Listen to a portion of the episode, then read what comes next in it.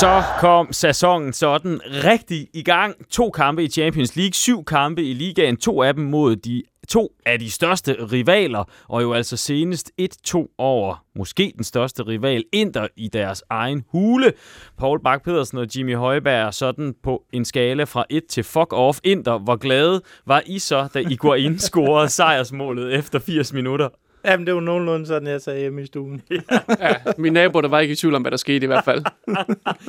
det var jo helt vildt. Øh, Sarri Ball viser sig stille og roligt, viser sit potentiale, trods skader, trods systemændringer, hvor Sarri, der jo ellers sådan næsten har sværget til 4-3-3, nu også leger med 4-4-2 og diamant på midten, der passer, mener nogen, glimrende til vores juvel. Juventus ligger igen nummer uno, masser af ting at glæde sig over, men jeg synes også, at vi skal prøve at finde noget at bekymre os om. Er I med på den også, I to? Mm. Okay, hvis vi, hvis, hvis vi graver, så kan vi finde lidt at bekymre os om også. Velkommen til en ny omgang af Juventus officielle fanklub Danmarks podcast. In a world of contrasts, we take a deep breath and rise. Dybala, Dybala, Dybala, Dybala, Dybala, Dybala, se la lunga ancora un po' Dybala. Aim high while others stumble. Poi vince un contrasto, arriva Ronaldo ad aiutarlo. Sposta Take a Cristiano. shot. Cristiano, destro di Cristiano. When we see a chance. And if we fall, so be it. The next victory is never far away. Forhåbentlig er den ikke det. Vi fokuserer på den seneste sejr, selvfølgelig kampen mod Inter, der jo lå med en stor fed datidsstreg under lå, lå på førstepladsen. Vi var godt nervøse, og det var med god spænding. Vi gik ind til kampen, og så skulle der kun gå fire minutter. Fejlaflevering af Inter, trebakkæde ligger skæv, De Vries er fremme. Dybala rykker ned i rummet bag ved De Vries, og Godin og Pjanic øh, afleverer jo så hurtigt derned. Et par hurtige træk. Bum! Fantastisk mål. Tempo, og Paul, du har sagt, at Dybala han ikke har tempo. der var der tempo. Var Jamen, det var der. Der var der tempo. Ja, det var der. Der var tempo på de små ben. Ja. Ja. var der ikke det? Jo, jo, jo, bestemt, bestemt. Ja, men Alt det er jo relativt, ikke? I forhold jo. til uh, Douglas Costa er han jo ikke hurtig. Ej, det er jo rigtigt, men nu er Douglas Costa jo skadet, så i forhold ja. til Douglas Costa lige nu... Men ja, der, men man kan, sige, man kan sige, hvis vi skal have de her famøse tal på bordet, ikke, så tror jeg, at Dybala han er klokket til omkring 32-33 km i timen i topfart, og Ronaldo han er på næsten 5-36, ikke? Så mm. i relation til. Men jo, uden bolden, og det løb han tog der, det var, det var godt timet, og det var godt ja, sprintet. det er godt at høre, Paul, og vi kommer til selvfølgelig at vende Dybala senere. Vi pusser og risser i juvelen, som man siger. Men her til at begynde med, så er det jo hele holdet og opsætningen, og også progressionen i måden, vi spiller på, som vi kommer til at, at kigge på. Øh, med udgangspunkt selvfølgelig i, i Inter, og så trækker vi nogle tråde sådan tilbage til nogle af de andre kampe, som vi har spillet øh, siden sidst vi talte sammen.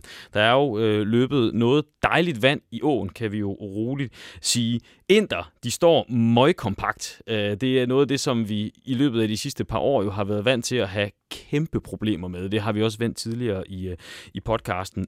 Men vi spiller den jo rigtig godt rundt, Jimmy. Jeg synes virkelig, det var en kamp, hvor vi havde godt øh, styr på det. Jeg var sådan lidt nervøs for, hvordan det ville skulle ende, fordi hvad kan man sige, Conte han har virkelig fået sat sine idéer ind i hovederne på interspillerne på, på rekordtid. Det har vi jo set. Øh, europæisk har det måske ikke kørt så godt for dem, det, det kender vi jo så. øh, men, altså, men, men ingen tvivl om, at jeg var nervøs for den kamp, men jeg synes, jeg synes at øh, udover at der, vi havde nogle skæres, hvor... Øh, hvor, man sige, hvor Sjeske, han også måtte ud i nogle gode redninger. De havde vist også et uh, skud på, som der blev ret af, ramt på stolpen, mm. den ene stolpe. Så synes jeg faktisk, at vi havde godt fat i dem. Og uh, Conte, han er også ude efterfølgende og anerkender, jamen at der er, der er noget at, uh, er der noget, noget at arbejde med for at skulle komme op på, på det niveau, som Juve de, de viser. Det er jo spændende at se, hvordan vi klarer os specielt imod Inter, fordi Inter jo netop har kørt den der kontestar, meget, meget aggressiv pres, som vi har kunnet se i de første kampe, de har spillet. Og det er jo ikke noget, vi sådan som udgangspunkt har haft det super godt med, Paul. Øh, så, så i den henseende var det også meget, meget spændende at se, hvordan vores spil og vores koncept reagerede i forhold til Inter, ikke? Jo, men helt sikkert. Altså, det, det, er jo, det er jo noget af det, som, som man godt kan være lidt bekymret for. Det er jo især med tanke på sidste sæson, hver gang vi vi ligesom er blevet presset højt, ikke? Jamen, så har vi ikke haft tempoet øh, i boldomgangen til at spille os ud af det pres. Men, øh, men, men det kan vi jo så se nu, det, det er blandt andet et af, af de elementer, som Sara indfører, ikke? At øh, der skal meget mere tempo i bolden og, og hurtigere boldomgang, og det belønner sig jo så også i forhold til det her aggressive pres. Og det kom der jo også i den grad, og også selvom vi jo havde en midtbane, som vi før har været lidt efter. Vi har sagt, at uh, med Matuidi og med Kedira, jamen så kan man nærmest ikke spille sejball, men det, det blev vel modbevist på en eller anden måde. Gjorde det ikke, Jimmy? Altså, man må jo, man må jo give uh, Sarri, at han har, han har formået at få det optimale ud af en spiller som Kedira, som har hængt noget i bremserne igennem de sidste, de sidste to år, vel, vel nok. Uh, Ligeledes Matuidi. Øh, altså, han er jo stadig ikke ligefrem den store øh, boldkunstner. Det er jo ikke ligefrem, fordi det er ligesom at se Den Nielsen rende rundt og, og, og trylle med, med bolden, men, øh, men han løber, han løber de mange kilometer, både, øh, både, han løber også mange negative kilometer, faktisk også offensivt i forhold til, at han, han tager rigtig mange løb, der er med til at hive øh, modstanderne en lille, lille smule fra hinanden. Det er de løb i dybden blandt andet. Ja, altså, han... især kan ja. man sige. Og, og det, det gør også nogle gange, at jamen, enten så følger de ham, øh, fordi de tænker, jamen, ham, her, ham skal vi fat i, eller også så tænker de, det er Matuidi. og så giver de her måske ikke øh, hvad kan man sige, så, så meget omsang. Så hvis han endelig er fri, jamen, så er han fri, så gør han jo også noget. Ikke? Men, men jeg havde ikke sådan helt forestillet mig, at han skulle være så integreret en, en del af holdet, som han er blevet. Men man må bare give ham, at han har ikke ville sælges her til sommer, så han har grebet chancen og øh, knoklet fuldstændig vanvittigt. Det betaler sig til sydenlandet, fordi lige nu, der synes jeg faktisk, at han, jamen, han har været en af vores bedste spillere. Han gør det rigtig, rigtig godt, øh, og dækker jo også af, som vi også har været inde omkring tidligere, for Ronaldo, og, og giver dermed mulighed for, at Ronaldo han kan dangdere den lidt defensivt, som han jo gør, og som han måske også skal gøre. Jeg ved ikke, øh, Paul, vil du, har du et par ord til Kedira? Fordi øh, der er jo også flere af, af brugerne på, øh, på Juventus øh, Danmarks debatforum, som er inde, og, og, og, og det, han er simpelthen så svær at bedømme, ikke? Mm. Øh, for hans, altså objektivt set, når man kigger på ham, så spiller han jo ikke super godt. Nej, men, men, men der er også et eller andet i, i hvad hedder det, i fodboldspil, der hedder placeringsevne. Øh, ja. Og, øh, og det er faktisk nok hans, hans vigtigste attribut, det er at placere sig rigtigt.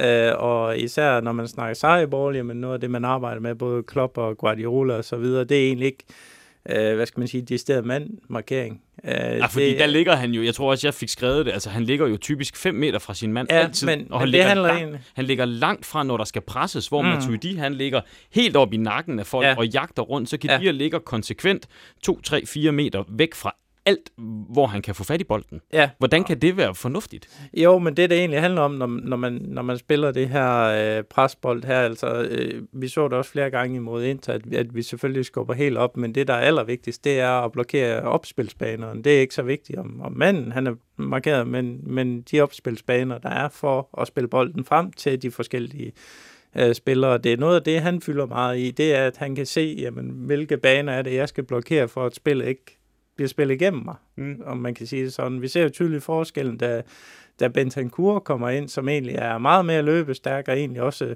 øh, deltager meget mere i det defensive på mandniveau, men hans, nu skal vi ikke forklare om fodboldintelligens, men placeringsevne i hvert fald i forhold til modspillerens opspil, den er ikke lige så god. Mm. Så derfor så kan det godt virke som om, at Kedia han er usynlig, og det, nu har jeg også postet det mange gange i forhold til, at stats, de er jo ikke eksisterende i forhold til, til at bidrage omkring den ting. Meget apropos, fordi jeg var lige inde og kigge på statsene. Taklinger mod Inter her. Taklinger 0.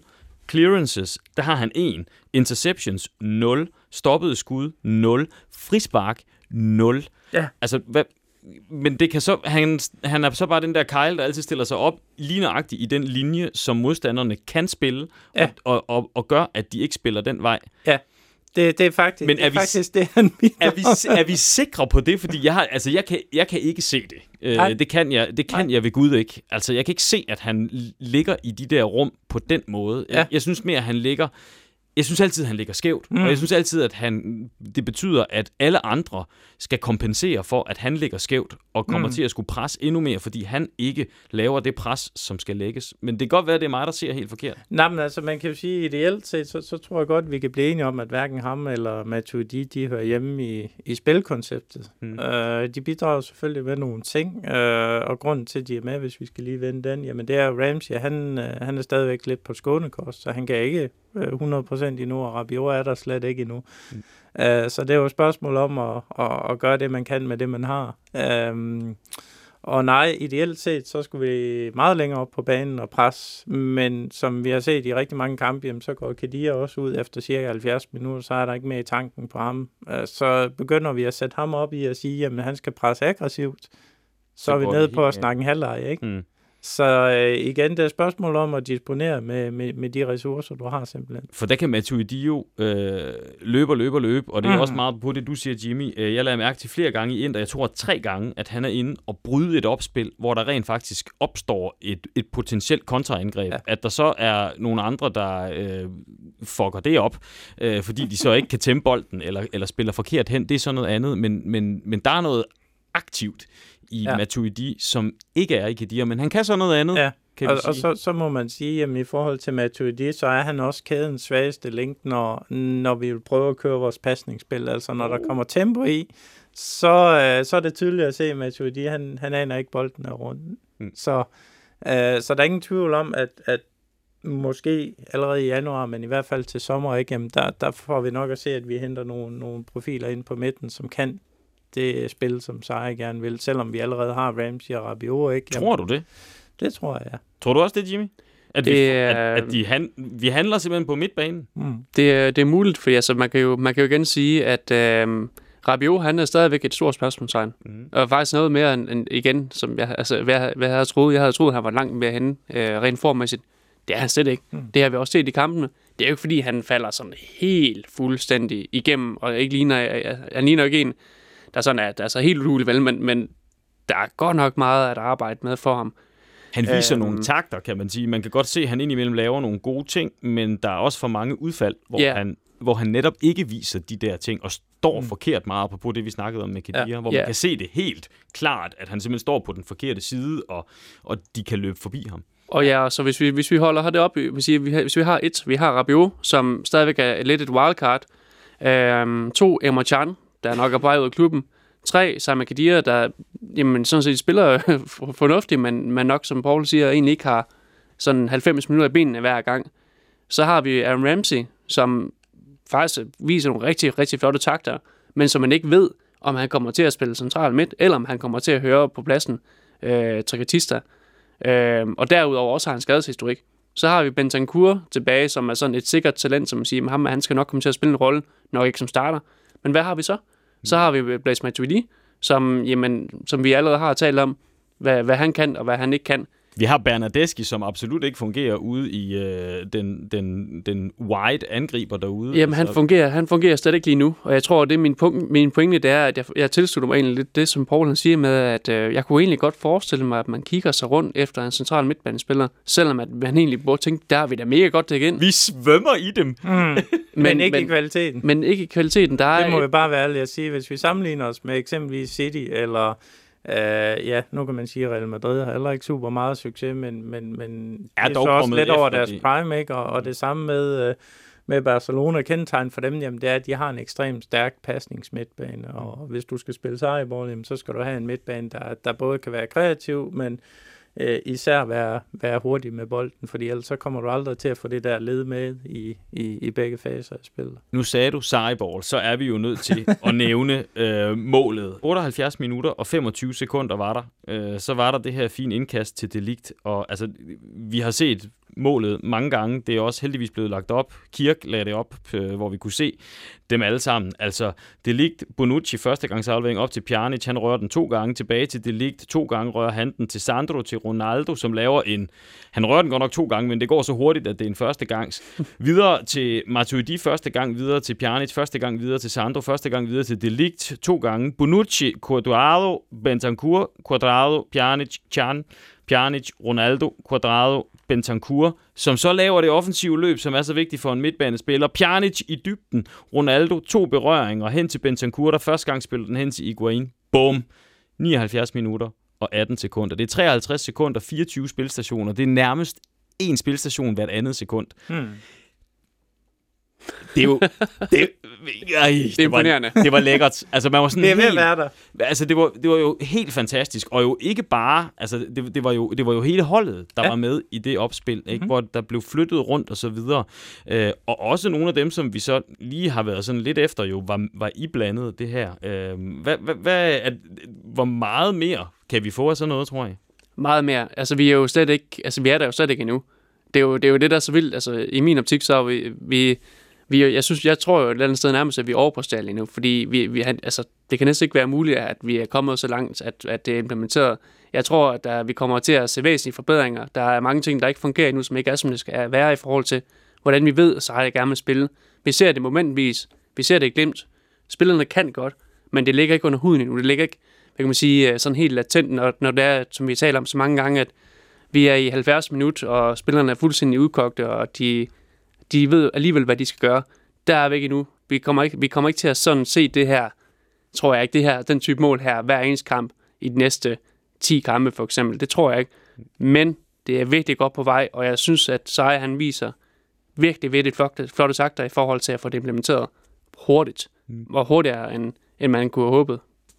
Synes jeg i hvert fald. Ja, Mm. jeg ved, jeg- fordi jeg tænker jo også, det er vel egentlig, og, og nu må I endelig rette mig, hvis, hvis jeg tager fejl, hvis jeg sådan tænker tilbage på de mål, vi har scoret, så synes jeg, det her det er, sådan, er første gang, vi ser et egentligt Sarri-mål. Ikke? Ja. Altså, de, andre mål, det har mere været klassisk spil. Ja. Det har været øh, efter dødbolde ved kontra, eller sådan almindelig spil med driblinger og tempoløb, sådan som vi ser det generelt, øh, fordi det jo er dygtige spillere. Øh, hvad, hvad, hvad skal vi, hvordan skal vi tolke øh, det, at det, altså, der er alligevel gået lang tid, før vi har set et mål ud fra det her, ikke? Mm. Men, men man kan sige, øh, nu så jeg lige, øh, jeg har siddet og set et par videoer i dag faktisk, der er Ja. blevet offentliggjort fra Juves træning af op til Inter. Mm.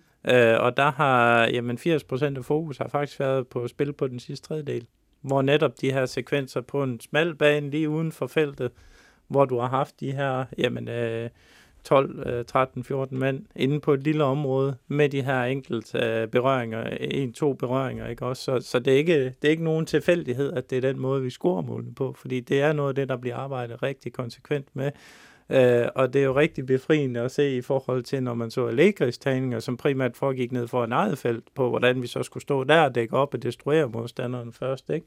Mm. Så, øh, så, så det er ikke nogen tilfældighed, men som Dimian siger, jamen så, øh, så er det jo nogle af de her mekanismer, som vi skal indarbejde på ryggraden. Øh, hvor man kan sige, at det, der skete mod ind, det var én spilsekvens. Vi skal jo op på at have en 6-7 spilsekvenser af den slags der. Om de så fører til mål, altså om de gør det nok ikke, men, men det er der, chancerne skal skabes fra. Så, så vi skal op på at have de her 6-7 sekvenser i løbet af en, af en kamp. Og det var jo en ekstrem sekvens, er det lige før, vi skal sige, fordi vi må også huske, at der var mange sådan små øh, sekvenser, hvor man kunne se tegningen til det, altså Ja. hvor den blev kørt rundt i de der hurtige trekanter, hvor vi jo har en helt, helt central spiller, som jo også i den grad har blomstret her de sidste kampe, som hedder Pjanic. Øh, hold fast, han har været god. Ja, han har, han har været enestående. Øhm, der var jo altså, da, da, hvad kan man sige, da han kom til sig, så var der jo ikke rigtig nogen tvivl om, hvem det var, der skulle være hans mand dernede i, i Jorginho-rollen. Øhm, og så han har så også fået en spiller i Pjerne, som, som udover kan, kan levere de her gode, hurtige, korte pasninger og, og fordele spillet. mm, Så har han også fået en spiller, som der kan lægge de her gyldne bolde sådan fremad i dybden. Og det er han jo begyndt på i langt højere grad, end, end han har gjort under Allegri. Det er jo, vi, vi har jo stået og, og hungret efter det, også her i podcasten. Hvorfor er det, at han ikke i, i højere grad lige kommer to meter længere frem på banen, så han kan lave de der afleveringer der? H- hvad er det, der gør, tror I, at han kan gøre det nu? Jamen, det har han jo sådan set selv svaret på. Uh, han gav et interview efter blandt andet uh, Interkampen, der hvor han siger, jamen det der er helt forskellen, det er måden, de løber på foran ham. Ja. I stedet for at løbe ved siden af ham. Hvor, uh, uh, hvad hedder det, når man snakker den offensive fase, som vi tit har snakket om, så snakker man om balance, og så snakker man om risiko.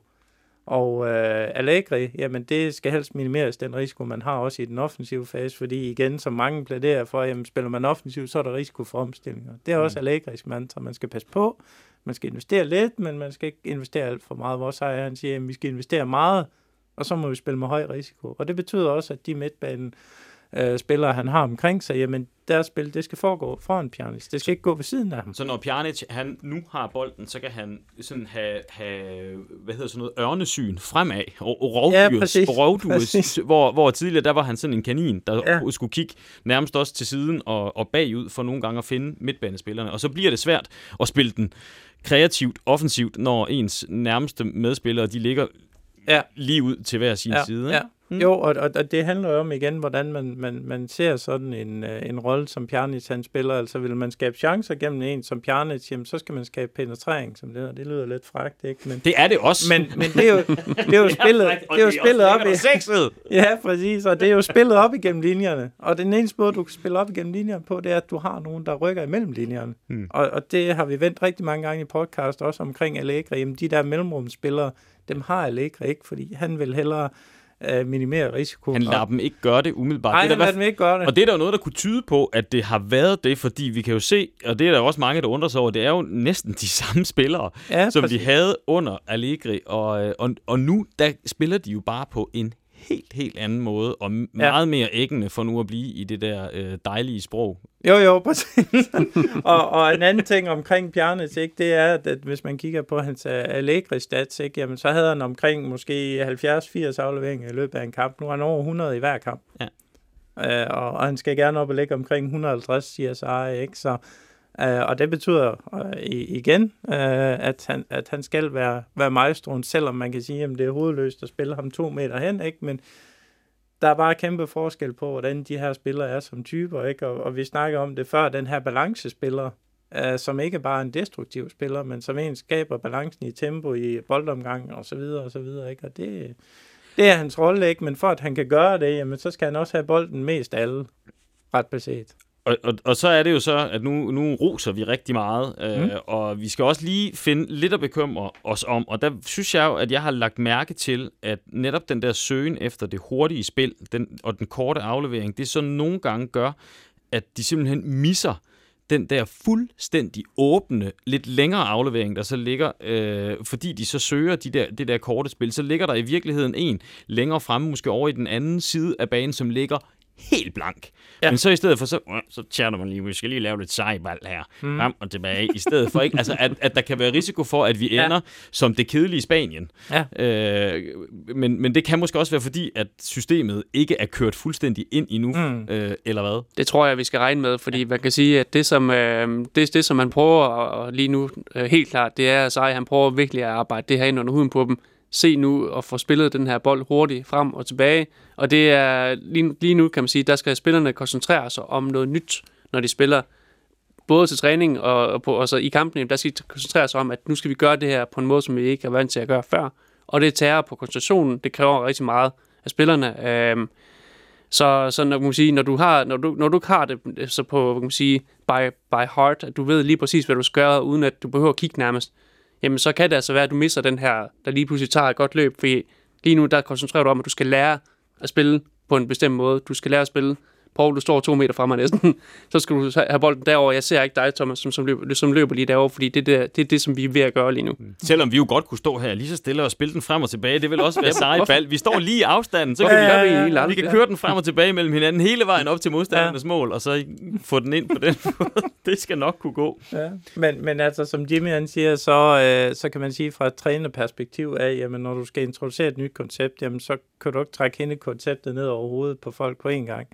Øh, der er man nødt til at arbejde med, øh, med nogle delelementer på det, ikke? Og, og igen, hvis vi så lige vender tilbage til øh, Kedia og Matuidi, og en af de grunde til, at de også er med, jamen det er, at de har øh, den defensive øh, del, den har de på ryggraden. De ved, hvordan de skal stå i forhold til det etablerede forsvar. Øh, det vil være en helt anden ting, som Sarri skal til at indarbejde med nye midtbanespillere. Så derfor så har han jo også valgt at, at sige, at den defensive del vil vi ikke fokusere så meget på uh, i forhold til at stå etableret i den defensive fase, fordi det kender de allerede. Hmm. Det vi vil fokusere på, jamen det er vores pasningsspil. Komme op i tempo, mange flere pasninger, og så rykke spillet længere frem på, på, på banen. Ikke? Men, men det er klart, der kommer også nogle af de her, som du selv siger, jamen oplagte lange afleveringer, som man måske misser, men det er simpelthen et kompromis i forhold til at få indarbejdet selve grundprincippet i, i sejrball. Og der vender vi jo igen tilbage til, at vi er der slet ikke endnu. Overhovedet. Det kan godt være, at det ser godt ud nu her, men, men jeg ser det faktisk som noget positivt, selvom nu skal vi ikke ruse for meget. Så, vi vil også gerne rose. jeg, jeg ser det som noget positivt, at vi allerede kan se så markante forbedringer nu. Det er jo ikke kun interkampen, det er så godt ud. Jeg ved også, at vi skal vende tilbage til de andre, men vi har spillet nogle gode kampe, også imod Atletico, for eksempel, mm. som også var en, i min optik en rigtig fin, fin kamp. Vi har haft en, en 3-0 sejr over Leverkusen og så videre. Jeg synes faktisk, at, at man nu begynder at se, jamen, de kan, de kan godt. Der er gode tegn. Men hvis vi nu så lige tager Leverkusen-kampen, ikke? Der, var, der var godt nok ikke meget seje bal, og var, var, vi nede på, var vi nede på 38 procent i, mm. i øh, vores øh, spil med bolden. Altså, vi havde kun 38 procent af spillet i, jeg tror, det var i første halvleg. Mm. Altså, det, det, det, det så jo ikke super godt ud på den måde. Nej, nej, men jeg hæfter mig, jeg hæfter mig nok også mere, det skulle jeg måske også udspecificere, men jeg hæfter mig mere ved med, at vi, uh, vi får resultaterne. Mm. Jeg, altså, jeg tror ikke, at der var nogen, der havde regnet med, at, at, uh, at spillet skulle være implementeret før, der, der er i hvert fald gået en halv sæson, men, men vi henter stadig resultaterne, mm. fordi vi har, de, vi har den individuelle klasse, uh, spiller for spiller, og så samtidig, jamen, så jamen, det lader til, at, at, at at Sarri, han får, han får det bedste ud af de, de, de folk, han har kan man sige, til rådighed. Det så også godt ud, synes jeg. Det er ikke, fordi jeg synes, at det var helt elendigt imod øh, Leverkusen overhovedet ikke, men det var jo Leverkusen, der i lange perioder spillede den rundt, men helt uden at komme frem til chancer jo. Og det, der så synes jeg var den største ændring, også i forhold til tidligere, det var jo, at når vi så kom foran med 1-0, øh, hvad er det så, vi, hvordan er det, vi så ændrer kampen? Øh, sidste år eller forrige år, der vil vi formentlig have forsøgt at køre den hjem på den sikre måde og trukket mm. os nærmest endnu mere tilbage. Her, der gør Sarri det, øh, går vi ud fra jo, at det er Saris taktik også, der lægger sig, hvor vi rent faktisk i anden halvleg begynder at presse op og bliver offensiv. Mm. Øh, også med, med indskiftningerne og så videre, så vi, vi, vi ændrer kampen, selvom vi er foran, så ændrer vi kampen til det offensive. Og det er jo, det er jo en fantastisk mulighed at have. Ja. ja, og vi skal jo også lige tage med, at Leverkusen, det er, det er vist det hold i Bundesligaen, der har, der har bedste hvad det, possession Ja, ja øh, boldbesiddelse. Mest, ja, så ja. de, er, de er virkelig gode til at holde fast i bolden. Ja. Øhm, og der, der er det sådan lidt fortrystningsfuldt at se på, jamen selvom at, øh, at den taktik, som, det er jo nok ikke seje, har nok ikke lagt taktikken efter, at Leverkusen skulle have bolden mest. Det tror jeg ikke. Men når taktikken den så fejler, så hiver vi stadigvæk en 3-0 sejr hjem. Mm. Men, men om, man kan også sige, Thomas, jo, det er helt klart Saris mandtøj, og, og der er den største forskel er på ham og Allegri, og du ser det også mod Inter, ikke? Mm. Jamen 1-1 ude mod Inter, så er Allegri tænkt, vi tager en 1 så ja. smider, tager vi Dybala ud og sætter en, midtbane en, en slider ind på den defensive midtbane, eller en Basalje ned i forsvaret, ikke? så kører vi ja. fem mand ned i forsvaret. Men, øh, hvad hedder det, øh, Sarri, han øh, tager sørme Benedicte ud, og så sætter han øh, Higuain ind. Mm. Så kører vi sgu med tre fuldbådsangriber 1-1, ikke? Ja. Og, og det gør vi så i en periode, så finder han selvfølgelig ud af, at det, det, det, det tipper balancen lidt for meget, ikke? Mm. Men han gør det. Ja. Og, og et kæmpe kado til ham, fordi han tror på, at, at, at det er vejen frem, og det vil han gerne vise spillerne også, han vil gerne vise fansene også, at vi tør. Mm. Og det er faktisk det, det, den, den allerstørste effekt, jeg kan se overhovedet. Ikke? Jamen det er det her den her vilje til at gå efter målene, uanset om du er foran, eller du er bagud, eller der står uafgjort. Jamen, vi spekulerer sgu ikke i at spille 1-1 uden mod Inter. Vi går efter sejren, fordi vi kan. Mm. Og det er vi glade for. Og vi var glade for, at, øh, at det lykkes. Vi, jeg synes også, vi skal have, vi skal have vendt vores, øh, vores højre bak, øh, Quadrado. Og nu kigger jeg over på dig, Jimmy uh, ja. Jimmy er her ikke lige nu, men kan I lægge en besked efter bilen? Jimmy. det er jo ikke en hemmelighed, Jimmy, at du har været en, øh, en, en kende efter vores øh, gode Quadrado. Så jeg synes, du skal have lov til at sige, hvad, hvordan synes du egentlig, det går med at være på? Du, Må vi få analysen? glæder det også. Først og fremmest vil jeg gerne lige påpege, at I to lige nu, I nyder det her alt for ja, meget. det gør vi i hvert fald. Det er så dejligt. Oh. Ej, øh, og det gør du også, kan vi se på det. Jamen, det, det, gør, jeg, det gør jeg faktisk lidt. øh, og Paul han står og laver et andet meget upassende dans til nu. Nu må vi hellere komme back on track. Øh, jeg synes jo faktisk, at, øh, at som, og det har jeg også udtalt tidligere, jeg synes faktisk, at Quadrado, han øh, i sine sidste sæsoner her, er blevet bedre i forhold til, at han ikke laver lige så mange hovedløse beslutninger, som han har gjort tidligere. Jeg har altid haft sådan lidt en kritik af, at jeg synes, han, han har et voldsomt lavere bundniveau i forhold til, at, at han har det med at rode sig ud i nogle frygtelige problemer med at drible ind i en anden blindgyde, og så, og så vender han, og så vender han om, og så mister han bolden. Eller, altså, Ja, jeg har virkelig råbt og skrevet af ham. Jeg har haft sådan lidt et, et had forhold til ham, ligesom jeg har haft med Vucinic, for eksempel. jeg ved ikke, hvor mange gange jeg har skrevet, Vucinic, for helvede! Fordi han laver et eller andet fuldstændig hovedløst. Men, øh, men det har han efterhånden fået minimeret, og også i den sådan grad, at, øh, at jeg egentlig ikke har været helt utryg ved, ved tanken om, at, at man godt kunne prøve ham af som højreback, men jeg har aldrig troet, at han skulle levere så stabilt. Han har virkelig været god. Ja, det er jo både, det er jo både defensivt. Kan vi lige skrue op? Ja, det, jeg, jeg hørte ja, ikke og det vi skal lige have den. Skal vi lige, jamen det, du har ret, Paul. Vi skal lige have den en gang til. Uh, kan du lige gentage det? Åh, ja. vi vil godt, vi vil godt lige høre det. Uh, jeg, jeg havde Bare ikke bare forventet, jeg, jeg, jeg, jeg kommer ikke til at spille efter den pip der, men jeg kan sige så meget, at han har virkelig leveret ekstremt stabilt. Øhm, også meget mere, end jeg havde troet, han var i stand til. Og det er ikke kun i, man kan sige, det er ikke kun i små, man kan sige, små kampe mod, mod bundhold. Han har faktisk leveret mod rigtig gode spillere, øhm, hvor han både defensivt og offensivt er disciplineret. Selvom at han gerne vil komme fremad i banen, så er det ikke fordi, han fuldstændig sælger holdet med, at jamen, så lunder han lige tilbage. Eller, nej, nej, nej, han skal nok komme tilbage på sin plads. Øhm, han der har, der har han tempoet også til netop både at kunne rykke fremad, men også Ja. tage det der meget, meget vigtige tilbageløb, som jo også er vigtigt, fordi vi jo også har en Pjanic, som ikke er verdens hurtigste. Mm. Så det der med, at man har nogen, der kan, der kan tage de der hurtige løb, er jo vigtigt. Ja, og vi, vi må jo også nok øh, erkende, at øh, i den her formation, som vi har spillet på det sidste, som altså en, en, øh, en 4-3-1-2, ikke, hvor, hvor, hvor vores højre, hvad hedder det, øh, højre midtbane hedder Sam Kadir, som tager nogle gode løb ind i boksen, jo vist, det gør han. Men han skaber ikke den samme kan man sige, øh, dynamik og eksplosivitet ude på, på kan sige, højre siden, mm. som gør, at, at man har noget uforudsigelighed øh, i angrebsfasen der. Men det bidrager Quadrado trods alt med, når han så går frem.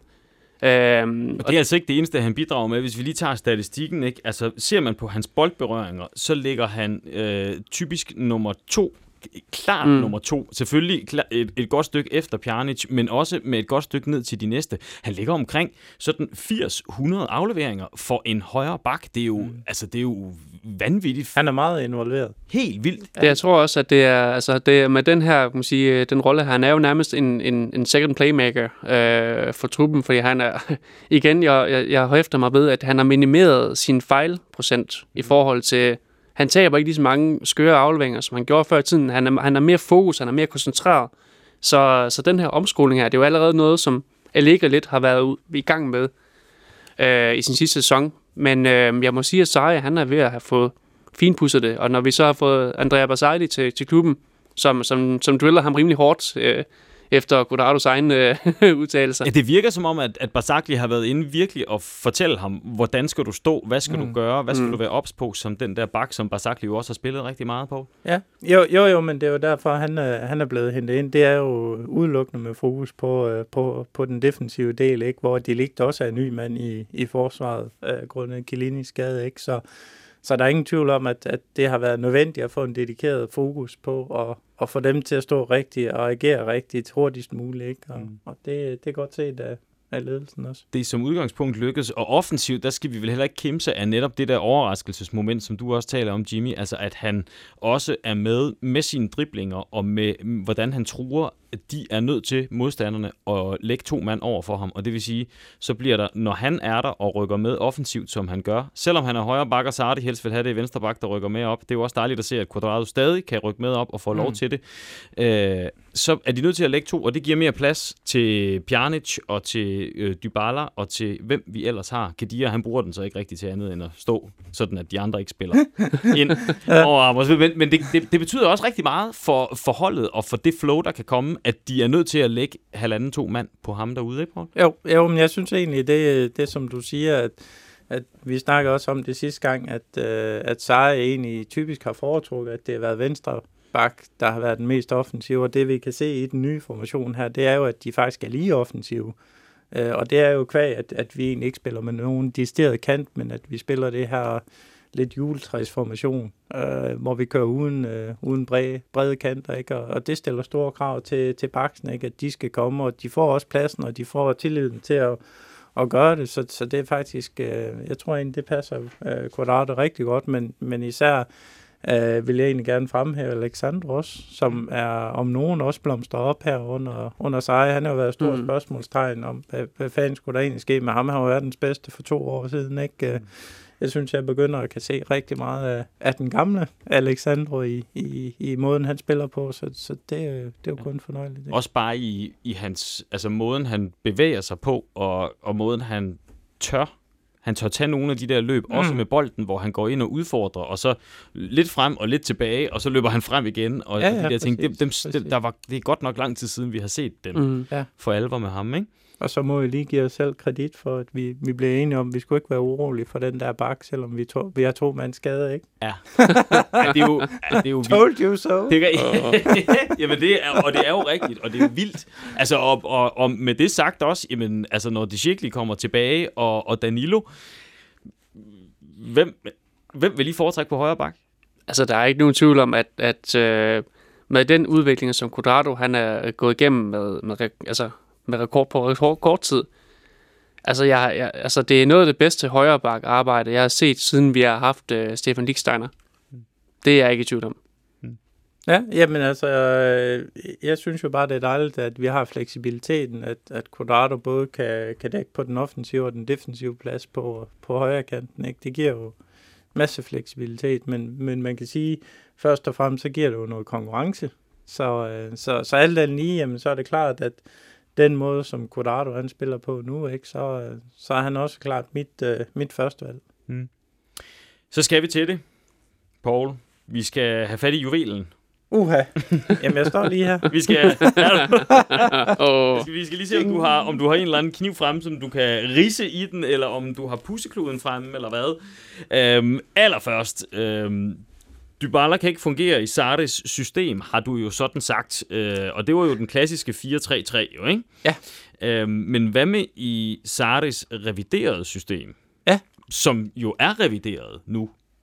Jamen, hvis vi, hvis vi lige skal, skal slå de grundlæggende ting først. Ja, fast skal vi først. det? For det her det er jo også en mulighed for at tale også lidt Ja, ja, om, præcis. hvordan fungerer en 4-3-3, hvordan fungerer en, en 4-4-2 med diamant, som vi kører lidt med nu og sådan noget. Det er jo en Ja. meget god måde at, at snakke om det på. Ja. Ja, altså man kan jo sige, at første gang øh, vi havde Dybala op at vende, var jo i, i 4-3-3-formationen, og selvom jeg ikke er stor tilhænger af at snakke om, om formationer, så er det bare lettere at forholde sig til for, for folk, der ikke typisk beskæftiger sig med træning og sådan nogle ting. Men mm. øh, hvis man kigger på det i, fra øh, Verona-kampen, hvor, øh, hvor han spillede øh, den her nier, falske nier, øh, jamen, så kan man sige, noget af det, som, som vi fremhævede der, var jo, at den type, som Dybala er, jamen, så vil han gerne falde dybt ned i banen, han vil gerne falde ud til siderne.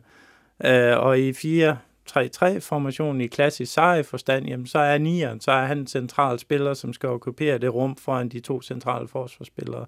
Fordi igen, hvis vi vender tilbage til vores snak før, Pjanic skal ikke lave penetrerende aflevering op til en spiller, der ikke er der. Mm. Og der skal han være op, og han kan lægge den af, og så midtbanespilleren kan komme i løb omkring ham.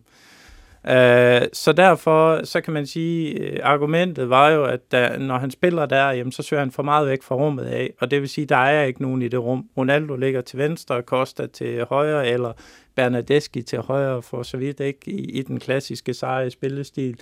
Men nu har vi ro sejr mange gange, og vi gør det lige igen. Mm, hans måde at adoptere det her på, er jo så, at han skifter over til en formation, hvor han egentlig øh, lægger de to angriber op, og så lægger en tredje bag ved dem. Og det vil sige, selvom både Ronaldo gerne vil søge ud i siden, Dybala gerne vil søge ud i siden, jamen så har du altid en mand i centrum. Mm.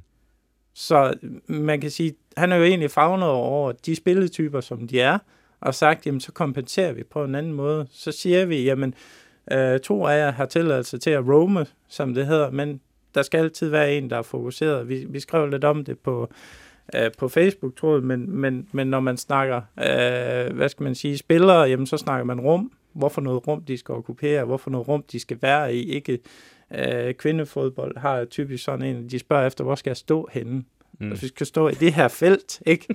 men, men det er det, man snakker om. Altså forsvarsspillere giver lidt sig selv, hvis man kigger på firebaklinjen, ikke? Du har to central, fordi øh, så minimerer du chancen for, at modstandere kommer direkte til at kan skyde på mål. Og det samme, når man snakker angreb, jamen du har det rum fra en de centrale forsvarsspillere, hvor du skal have nogle mennesker, fordi det er der, der er størst chance for, at du skaber nogle chancer. Men dermed kan man vel også sige, at uden at det skal blive sådan en, en talsnak, at, at når Dybala han har haft tendens til netop at rykke ud, så, så behøver man vel heller ikke nødvendigvis at ændre systemet. Man kunne jo også lave taktikken derefter og bare sørge for, at når Dybala laver de løb, jamen så er der nogle andre, der skal okkupere det rum, fordi det er jo rigtigt. Mm. Der mangler fuldstændig en opspilstation, men ja. der er jo offens, der er jo midtbanespillere, der kan rykke ind. Der er Ronaldo, der kan rykke ind. Der var Costa, ja. der kunne rykke ind, hvis ja. det var.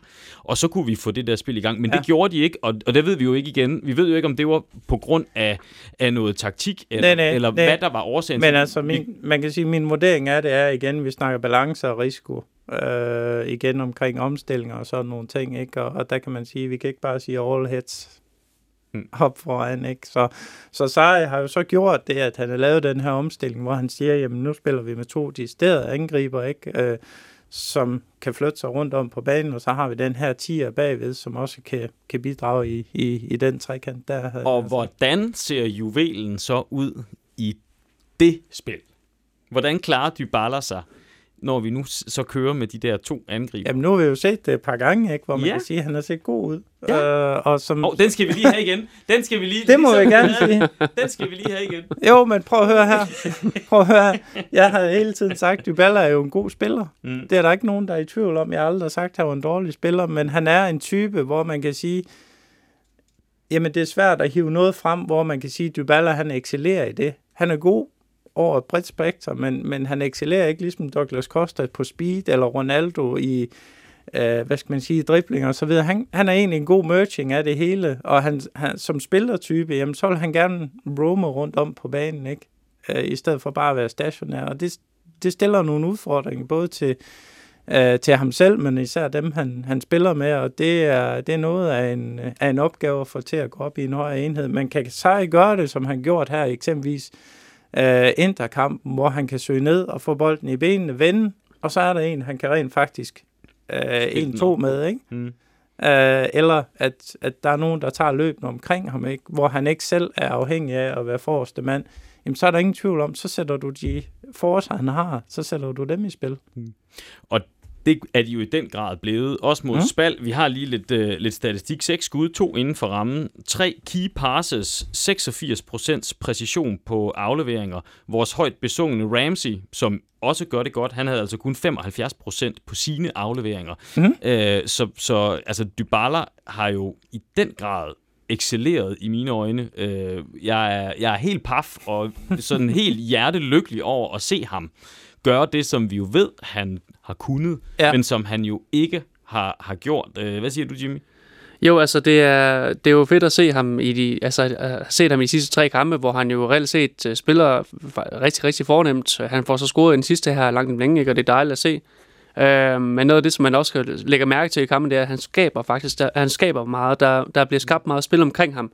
Og det er jo også det, han kan. Altså, vi har set i de tidligere sæsoner, det er, at han kan, Altså, han kan, han kan finde sine medspillere, og han kan finde dem ret hurtigt, fordi han har, han har en god teknik. Vi har så, øh, hvad kan man sige, vi har så måske også en forhåbning om, at øh, alt det her polemik, der har været i sommer, måske har været med til at give ham ordentligt spark i røven. Mm. Øh, han har også lige været ude og udtale i, i et interview nu her, at øh, igen, jamen han vil ikke væk, han vil være fortsat i klubben. Det er godt, det beviser han lige nu. Øh, det er selvfølgelig early days. Vi skal passe på med at sige, de bare han er tilbage i topform, fordi han har spillet tre kampe, men altså, Sarri, han har, han har genfundet, kan man sige, den formation, som han spillede med i Empoli back in the day. Der mm. spillede han den her formation her, og med stor succes. Empoli, de spillede mega godt dengang. Øhm, nu ligger de så rundt i CB, det er en anden mm. historie, ikke? Oh, jo. Men, øh, men øh, pointen, pointen er, at øh, spilsystemet er jo essentielt set det samme som i en 4-3-3, som Paul siger. Det, det er måske ikke tallene, vi skal diskutere så meget her, det er egentlig bare, hvor er spillernes udgangspunkt i banen. Mm. Og øh, hvad kan man sige, vi, vi havde jo engang en, en Thierry Henry, som, øh, som vi gerne ville bruge som kant. Ja. Det gik ikke så godt. Øhm, nu har vi måske prøvet lidt med, uh, Ligge han har prøvet meget med Dybala, og jeg tror egentlig måske godt, at Dybala ville kunne fungere øh, som en form for, for kant. Det har jeg også sagt tidligere i, i, i en 4-3-3, lad os bare sige det i, i gåsøjne, med Sarri som træner. Øhm, men der er ikke nogen tvivl om, at den formation, som han kører nu, og det system, den måde, spillerne har deres udgangspunkt på, og vi har fået Dybala han, han er tættere inde på banen, midt, øh, inde, på, hvad kan man sige, inde på, på feltet, og han må gerne bevæge sig rundt, men hans udgangspunkt er tættere inde på midten. Det fungerer. Mm. Han er nemlig også tættere på Ronaldo, og der har du jo også, Paul, været meget, øh, kære, det vil jeg godt sige, meget efter Dybala, øh, mm. og, og også jo på en eller anden måde øh, indirekte Ronaldo, eller i hvert fald konstateret, at de to kan bare ikke spille sammen. Øh, hvis vi kigger på de sidste par kampe her, så synes jeg jo, at at man kan se, at de faktisk godt kan spille sammen. Der er masser af eksempler på, at de spiller fantastisk sammen. Ja, ja. Men, men, men tilbage til igen, det er jo med udgangspunkt i, i, i, i hvad skal man sige, Saris initielle idé, fordi det, det handler om der, at de ikke kan spille sammen, det er, at de vil løbe de samme steder hen. Ja, eller at de vil løbe helt langt væk fra hinanden. Fordi ja, præcis. På, på Sardis 4-3-3, der siger han jo til verdens måske skarpeste angriber, du skal stille dig helt ude i mm. venstrekanten, mm. og der skal du blive. Øh, og så kan du nogle gange rykke ind til venstre, øh, eller ind til højre og ind på midten. Ja. Øh, men men i, en, i den 4-4-2, som han jo kører nu, der har vi rent faktisk Ronaldo stående inde på midten, hvor han rent faktisk kan sparke på mål fra andre steder, end den der, hvor han trækker ind og skyder på mål, som han jo efterhånden har gjort rigtig mange gange, og vist ja. nok scoret en enkelt gang på. Mm. Måske han var to, tæt ikke? på i, imod ind. Jamen, han er tæt på, men han, men han var, så noget bedre ud mod Leverkusen, hvor ja. øh, Dybala og Ronaldo ligger tæt på hinanden, og det kan de, ja. fordi det ikke er det her tremandsangreb. Ja. Ikke? Dybala rykker ned, du har også selv øh, lagt billedet, øh, sendt billedet, ikke? Øh, og, og Ronaldo ligger der, Dybala kan vende og ja. spille den dybt til Ronaldo, ja. øh, og udnytte øh, den ubalance, der opstår i midterforsvaret, ja, fordi Dybala netop forsvinder. Ikke? Så det er, jo, det er jo rasende effektivt, det her. Ja. Men det er også den kontekst, man skal have med i det, Thomas, ja. fordi selvfølgelig kan Dybala og Ronaldo spille sammen, men de kan ikke i Saris, hvad skal man sige, standardformation, fordi der vil de simpelthen løbe, løbe på de samme pladser. Vi har jo Uh, hvad hedder det, blandt andet statsene fra, fra Dybalas uh, første kamp som, som nier, der ikke, de havde en aflevering mellem hinanden. Ja, den så ikke god ud. Det, den så ikke god ud, og, og, og igen, Dybala, jamen, han var hammerne ineffektiv. Jo, han lavede nogle smarte tricks ned omkring midterlinjen, og nogle fede driblinger, og en, og en tunnel, og sådan nogle ting, men han havde to skud på, på mål, og de røg sådan set over begge to, ikke? Så, så det er jo en kæmpe kontrast til at se, hvordan de så spiller i den nye formation, hvor Sarri har tvunget den tættere på hinanden, hvor de kan interagere sammen, ikke? hvor du kan se, jamen han er afslutning, han er assist, han er mål, du. Mm. Med til, nu, og med... nu, nu, hvis vi vender tilbage til, hvordan han havde succes under Allegri, jamen det var jo sådan set i to-mandsangreb. Hmm. Hvor han kan få lov til at lægge lidt dybere, ikke? og så han har en, en partner rent faktisk. Iguain. Sammen, Iguain og spille sammen. Ikke? Så, ja. så jo, bottom line er, selvfølgelig kan Dybala og Ronaldo spille sammen, men du skal have en form, hvor de ikke kommer til at okkupere det samme uh, space. Og samtidig skal de også kunne ligge i nærheden af hinanden, så de ja, præcis, faktisk kan udnytte præcis. hinanden. Og, og så den her famøse nier-rolle, hvor man kan sige, at uanset hvilken formation du spiller, så har du bare det her rum, eksempelvis foran uh, de centrale forsvarer, som altid skal være optaget. Nogen sagde, jamen Liverpool, de skifter det hele tiden, hvorfor kan vi så ikke gøre det? Og det, det kan vi også godt. Men hvis du kigger på Mané og Firmino og... Uh, og Salah, ikke, så kan du være 100% sikker på, at de er defineret de rum, de skal være i. Hvem der er i rummene, det tror jeg egentlig, Klopp er fuldstændig ligeglad med. Men de ved bare, at der er de her tre felter mm. foran forsvar, og det skal være okkuperet hele tiden af en af dem. Mm. Hvordan de så bytter, jamen det, det er så noget offensive spillere typisk selv finder ud af. Men, men affolker du de her rum, ikke, jamen, så vil du komme til at skabe en ubalance, og du bliver hammerende ineffektiv. Og løbende, de betyder stadigvæk noget. For eksempel mod Leverkusen. Nu genså jeg lige målet igen for at være helt sikker på, at de jo virkelig spillede så godt sammen. Mm. Hvis man lægger mærke til det, så er Quadrado, som jo altså er bak, er med ude og helt fremme, og er faktisk med til at sikre, at hullet til Ronaldo opstår dybt, fordi hvis han ikke havde været derude, så kunne hele forsvaret have rykket hen og dækket for det hul, som Ronaldo så udnytter. Så det er jo igen, det er jo ikke bare Dybala og Ronaldo, det er, det er simpelthen en samklang af, ja, det det. af, af skønne ja, løb, der går op i en højere enhed, samtidig med, at Leverkusen, eller hvad det nu er for et forsvar, fejler, ikke? Jo, og, og hvis man skal fremhæve noget igen, som jeg synes er, er rigtig fedt at se, øh, og endnu en illustration på noget af det, Sarri arbejder med, nu apropos den her chance, Ronaldo får, som han knaller på overlæggeren kort efter, vi rent faktisk har scoret i det. Ronaldo får bolden og trækker ind over mm. i feltet, så har vi faktisk fire spillere, der løber i feltet. Ja for at kan lave den korte aflevering. Det var aldrig sket med Allegri. Så har de stået pænt parkeret ude om feltet og ventet på Ronaldo afslut. Men her har vi fire spillere, der tager løbende fra, øh, hvad skal man sige, midtbanekæden og ned bag ved forsvaret rent faktisk, og kan lægge øh, den stikning, eller tilbyder sig til en, to eller lignende. Ikke? Det er pissefedt at se. Og det betyder alt. Det betyder også alt for at kvalificere Ronaldos afslutning, fordi at han måske ikke bliver presset helt så meget af helt så mange, fordi alle er nødt til at holde øje med, hvilke andre muligheder der er. Ja, kommer mm. der en halvklæring er... fra målmanden, jamen, så har vi nogen, der samler op, så kan de ikke bare sparke den væk, så har vi nogen til at putte den i kassen. Ikke? Så, så det er kæmpe, kæmpe forskel. Jeg har en masse andre eksempler på gode samspil imellem øh, Ronaldo og Dybala, øh, Paul dig, men øh, mod Inter, Dybala fantastisk oplæg til Ronaldo, hvor han brænder et minut senere, mm. så finder øh, Dybala Ronaldo igen, og Ronaldo scorer men der bliver så dømt for, for ja, offside ja, ja. på den her fantastiske var. Så jeg synes ikke, vi skal dvæle mere ved det. Jeg, jeg, jeg, jeg lægger mærke til, at uh, du synes, at uh, Dybala, han også i, i det nye system her, der, der spiller det, uh, når taktikken bliver lagt an. Men, men uh, altså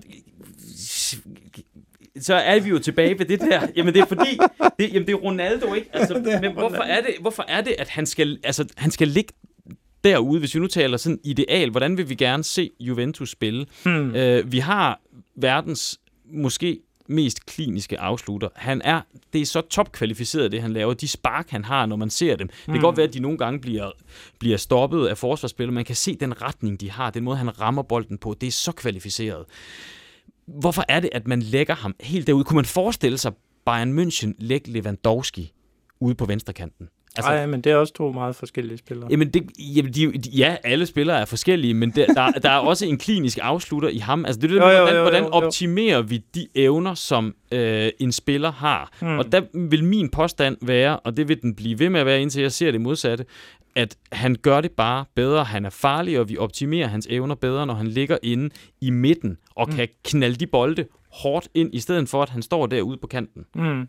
Men, men det er jo den proces, Sejr rent faktisk er i gang med, ikke? hvor man kan sige, at han starter med den der klassiske 4-3-3, som han arbejder med de seneste år, ikke? Og, og så skifter han om, dels for både at fagne over Ronaldo, men også fagne over Dybala, Higuain og så videre, og det, det, det er jo sådan, man arbejder med træning, ikke? Det er jo at kigge på de spillere, jamen, hvem har du til rådighed, som Sarri siger, jamen, vi tager udgangspunkt i den bedste, det er Ronaldo. Hvordan skaber vi ham mest effektivt? Hvordan skaber vi løbende om? Hvordan, hvordan gør vi de andre gode i forhold til Ronaldo? Hmm.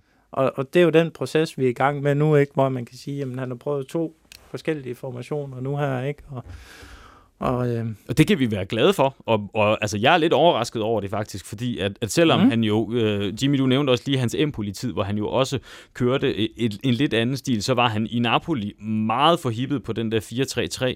I, øh, I Chelsea var han også meget forhippet, specielt først øh, på 4-3-3, så begyndte han lige så stille i nogle kampe at, at køre øh, lidt mere øh, med, med en, øh, fire midtbanespillere, men, men meget glad for den der 4-3-3. Øh, er du overrasket over, at han så hurtigt også øh, går væk fra den der 4-3-3? Jamen altså, jeg ved ikke, jeg, jeg tror måske ikke, øh, jeg tror måske ikke helt, at jeg er så, så øh, overbevist om, at, at, at 4-3-3 er hans formation, hmm. hvis jeg skal være helt ærlig. Øh, jeg tror faktisk, at noget af det, som vi ser igen her, det er, at Sarri han er god til at tilpasse situationen og holdet efter de spillere, han er til rådighed.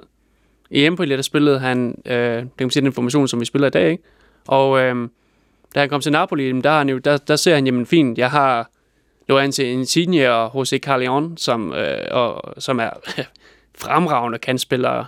Selvfølgelig bruger han øh, en 4-3-3 der, og, når, og så med en Gonzalo Higuain op foran, der vil han jo ikke spille den formation, som altså i hvert fald ikke udpræget, ikke den formation, som vi ser i dag, ikke på samme måde. Jeg tror måske, han har gjort det nogle få gange, men øh, og i, hvad kan man sige, i, uh, i Chelsea, altså Chelsea, de havde altså også nogle ret gode kandspillere øh, til at ligge op øh, øh foran øh, Willian og Pedro og jamen altså øh, Hazard. Hazard, Hazard. ikke Nå, ja, der, som, der, han var der også, ja. som, jo, som jo måske var den, som han modellerede holdet omkring mm. i, i Chelsea. Ikke? Ja. Øhm, og, og måske kan man også sige, at det er meget naturligt, at han starter med sin 4-3-3, fordi med en Costa, mm. øh, han er jo modelleret mm. til øh, en 4-3-3. Derom ja. skal du ikke have nogen ja. tvivl. Og når han så bliver skadet, så synes jeg jo bare, at det er fantastisk dejligt at se, at, at Sardi han begynder at tilpasse og gøre, mm. gøre noget andet. Øh, fordi det havde jeg, jeg havde lidt frygtet det. Også vi har jo tidligere snakket om, også da han var træner i Napoli, øh, at han manglede den der plan B.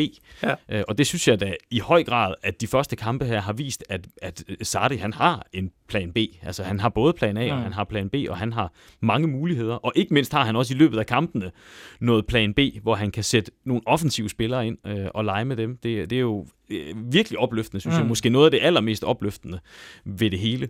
Jo, men altså, jeg, jeg, jeg må også, øh, øh jeg synes også bare, vi må sige, at Sarri, han er på alle måder en væsentlig bedre træner, end han var i Napoli.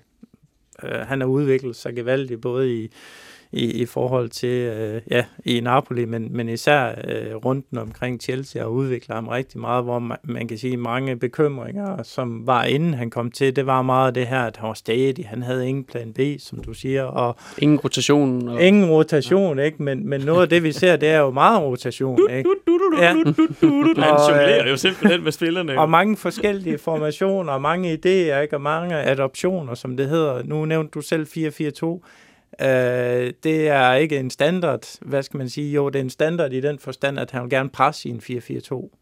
Øh, så skifter han rundt, når det er sådan, vi, vi kommer i angreb. Ja. Så hele den der adoption af, hvordan han skifter rundt og forklarer spillerne, hvordan de skal fungere i de forskellige faser af, af, af spillet, ikke? Og, og så det med at kan øh, balancere øh, de forskellige spillere, blandt andet øh, Rams, ikke? som skal være på skåne kost, ikke? Og, og få... Øh, ja, tilvende alle sammen. Jeg tror egentlig, at han havde håbet lidt på, at de lidt kunne han øh, indsluse på en lidt, lidt, lidt, lidt lettere måde, ikke? Men, men nu er han jo blevet kastet lidt fulden, fordi Chiellini er blevet skadet, ikke? Men ellers så synes jeg faktisk, at hans, hans måde at indsluse spillere på er, er rigtig god, selvom mange fans de sidder og skriger på, at vi skal bare sætte de nye spil, ikke? så går alting godt. Ikke? Og... Forsvaret snupper vi lige om lidt og taler om, fordi dem, det er jo også en, en, en historie for sig. Ja. Øhm, jeg synes jo også, at, at det, altså de seneste kampe har vist øh, styrken ved de der to angriber frem for tre, altså hvis man udnytter pladsen. Altså det, at, at man ikke har faste spillere ude på kanten, betyder, at der pludselig er hul derude, som egentlig både Sandro kan udnytte, og som Quadrado kan udnytte, og som angriberne sådan set også kan udnytte ved at, ved at rykke frem og tilbage. Så på en eller anden måde, så, så virker den meget dynamisk, synes jeg. Altså vi ser det mod Spal ved Ronaldos mål, mod øh, Leverkusen, øh, også ved Ronaldos mål. Matuidi har rigtig mange fremryk også, øh, som, som skaber noget dynamik, som klæder os. Og det, det, hvis de der tre angriber ligger på kanterne derude, så er der simpelthen ikke så er der ikke plads til det.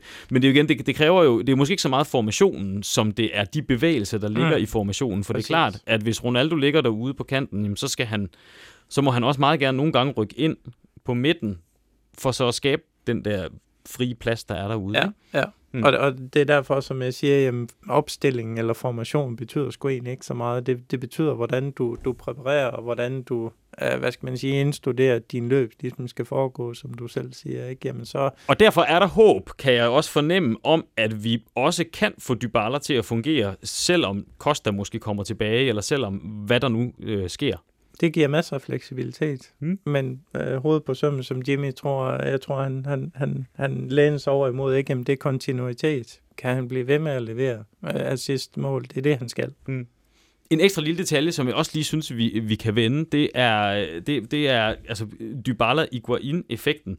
Øh, selv hvis de så ikke spiller sammen, så det der med, at vi kan skifte dem ind Mm. Øh, den mulighed, der er på, at enten starter den ene, eller også så starter den anden. Men det virker som om, at når den ene så er startet, og den anden kommer ind, så gør den anden det fantastisk i mm. de der sidste, det der sidste kvarter. Ja. Altså enten scorer Iguain, eller også så lægger Dybala op til et mål, eller øh, altså det, det, er jo det er jo guld at have mm. så dygtige indskiftere. Altså den brede ja. trup, øh, der har været nævnt på forum, at Iguain er, er den bedste transfer, som det ser ud nu. Øh, som ikke skete. Som ikke skete jo, altså, men som jo så skete lidt alligevel, ja, ja, ja, fordi han blev ja. ikke, øh, men, men som det ser ud lige nu, ja. er det jo er det jo rigtigt. Jo, men det er jo det, der er afgørende, som vi snakker om øh, i en af de første podcast efter transfervinduet var lukket. Det er, at du skal have en bred trup, hvis du skal være med, både selvfølgelig vinde Serie A, men især i, i europæisk sammenhæng. Ikke? Så, så jeg ser det på ingen måde som en svaghed, at, at, at vi ikke har solgt de spillere, som folk gerne vil af med, fordi det kommer altså til at, at gøre os godt i sidste ende. Ikke? Nu har vi to højre baks derude, vi har en Koster derude, ikke? og jamen, øh, vi har en Kilini derude, ikke? Jamen, havde vi ikke haft den her brede trup, så er det sat mig set svært ud, ikke? Tror vi, at Sardi kan, kan holde alle glade i den her brede trup? Altså i hvert fald, hvis vi nu snakker angrebsmæssigt, øh, Mandzukic er nok ikke så glad i øjeblikket. men, men det der med, som Allegri jo sådan set også lidt sagde, at ja vel er, er start 11'eren vigtig, men dem der, kommer, dem, der sidder på bænken, er mindst lige så vigtige, fordi Mm. det er dem, der egentlig kan komme ind og skal afgøre kampen. Altså det der med at, at, at, at forklare spillerne, at bare fordi du ikke starter, så er du stadigvæk sindssygt vigtig. Kan det lade sig gøre for ham?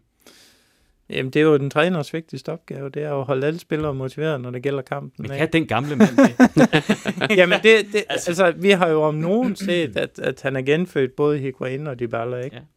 Øh, og øh, fortsætter han det her rotation, som han har arbejdet med indtil videre, så er jeg slet ikke i tvivl om, at det, det er det, der kommer til at ske. Jeg, jeg så en eller anden øh, af spillerne udtale, at, at de var bange for at sidde ved siden af Higuain på bænken, fordi han ville spille hele tiden, og spillede han ikke, jamen, så smadrede han vandflasker, og stolene fik hak og alt muligt andet, så han behøvede ikke motivationen, når han kom ind, fordi han var bare ikke sur. Mm. Han var bare klar, ikke? Men, men det er også en måde at, at motivere spillere på, men, men, men jeg tror helt sikkert, at kan vi fortsætte det her rotation, ikke? Og når Costa kommer i spil, ikke? Jamen, så kan Ronaldo også få nogle pauser og så videre, ikke? Jamen, så tror jeg rent faktisk, jo, det, det kan sagtens gå op i en, i en højere enhed. Specielt hvis de bliver ved med at score. Altså hvis bare de kommer ind og så er med til at afgøre kampene, mm. så bliver man jo straks meget gladere, også som spiller, tænker jeg, selvom man kun får et kvarters tid, Jimmy.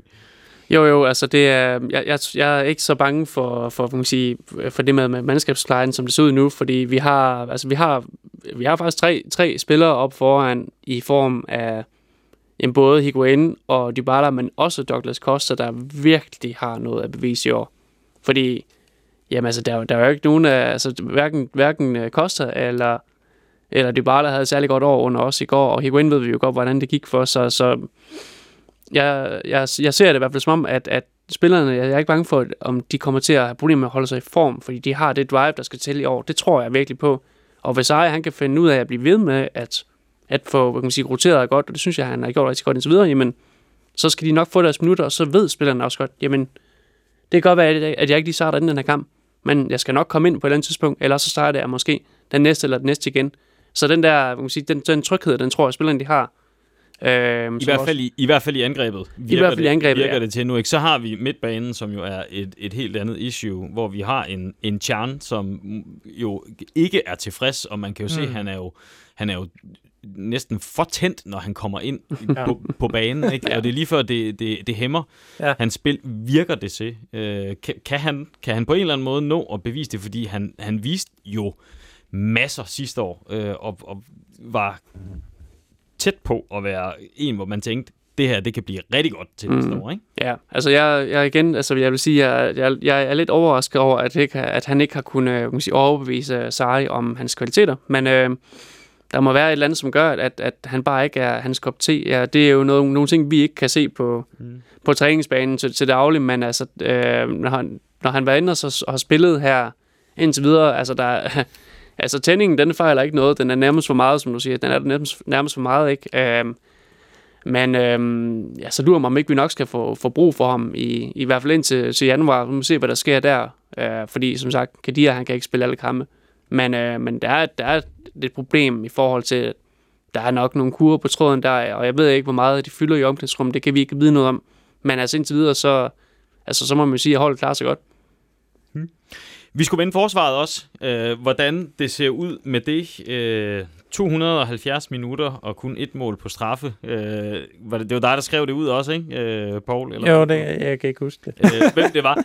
Det er, jo, det er jo ikke så ringe endda, øh, må vi sige. Der var, har været en lidt shaky start, hvis vi starter med Delict, øh, men han er jo kommet efter det, eller hvad, Jimmy? Jo, altså han, øh, han, han spiller øh, gradvist bedre og bedre. Og, altså man kan sige, at straffesparket imod Inter, det var, det var uheldigt, og det var en, en meget u- urutineret fejl, at han går ind i, i duellen med en arm løftet. Det var jo... Det, det var, ikke uheldigt, det var dosk. Ja, ja. Jamen, altså, lad, lad os sige det på en måde. Det var ikke, det var, det var ikke særlig kønt. Det var det ikke. Øhm, og det er, sådan en, det er sådan en brøler, man laver en gang per sæson, når man er en spiller hans kaliber. Og så, herregud, fred være med det, ikke? Han, han, er, han, han, han spiller også mange kampe lige nu, og jeg tror også årsagen til, at han gør det, det er, at i forvejen, der bliver der ændret på mange ting lige nu. Især, vi har lige haft en formationsændring, og øh, vi har lige skulle sætte Quadrato Quadrado i gang på, på bakken, så er det ikke tid til, at man også skal begynde at rykke rundt på et midterforsvar, der i forvejen er helt nyt. Så er det ikke, du begynder at sige, at Rugani, han kan også lige få en kamp her.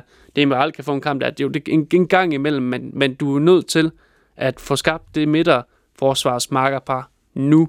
Og du kan ikke begynde at rykke rundt på det, imens du også rykker rundt på alle mulige andre ting på samme tid så falder strukturen på holdet. Og Bonucci, det siger du vel også derigennem, Bonucci er, har været vigtig at have ved siden af Quadrado, også for at der har været noget, en eller anden form for normalitet, og det er måske også derfor, at vi ikke har set Demiral, som jo ellers måske godt kunne med, sin, mm. med sine muskler, kunne gå ind og så spille, øh, spille på den, øh, den plads. Men det, ja. men det er sådan lidt, når vi har haft Quadrado derovre, det har været for, det har været for usikkert på en eller anden måde. Jamen altså, jeg tror faktisk måske, at øh, jeg, jeg synes, at vi har ikke engang rigtig talt særlig meget om Bonucci i forhold til, hvor meget vi egentlig burde, fordi hold nu fast, han har leveret helt vildt indtil videre. Han har været tæskegod. Han har taget mega ansvar.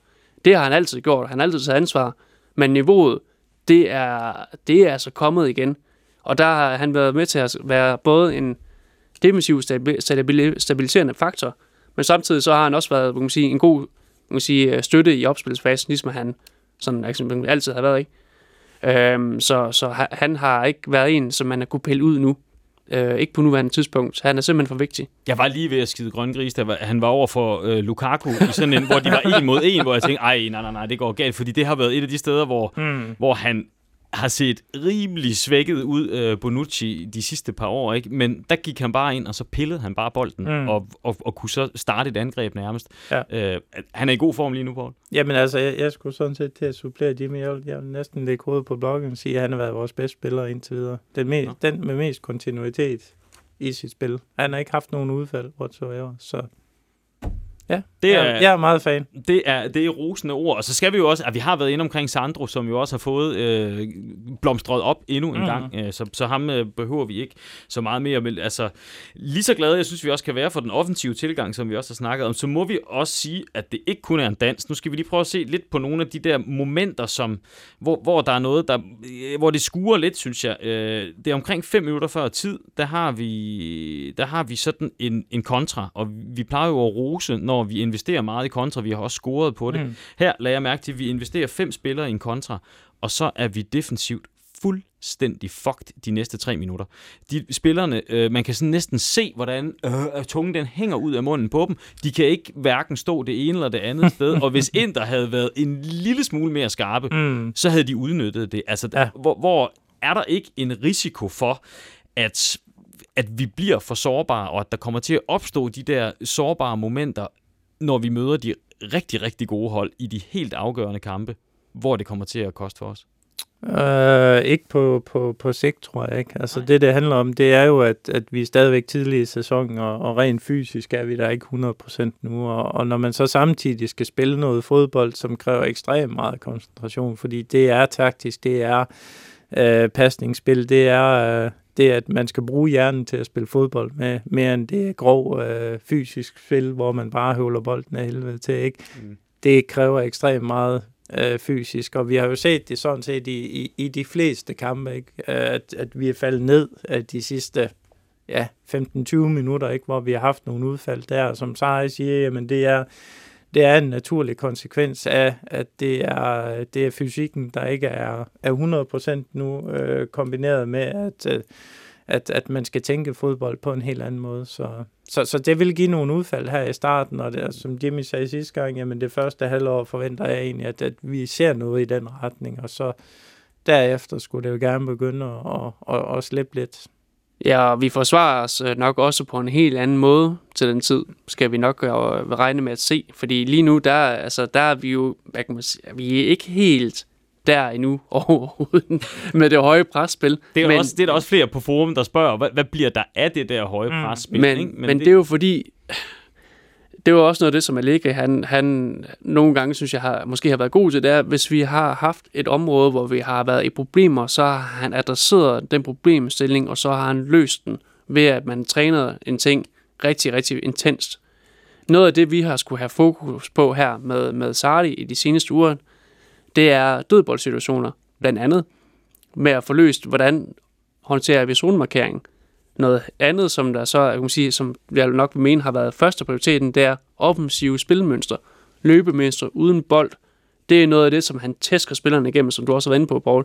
Og det er det, der fylder lige nu.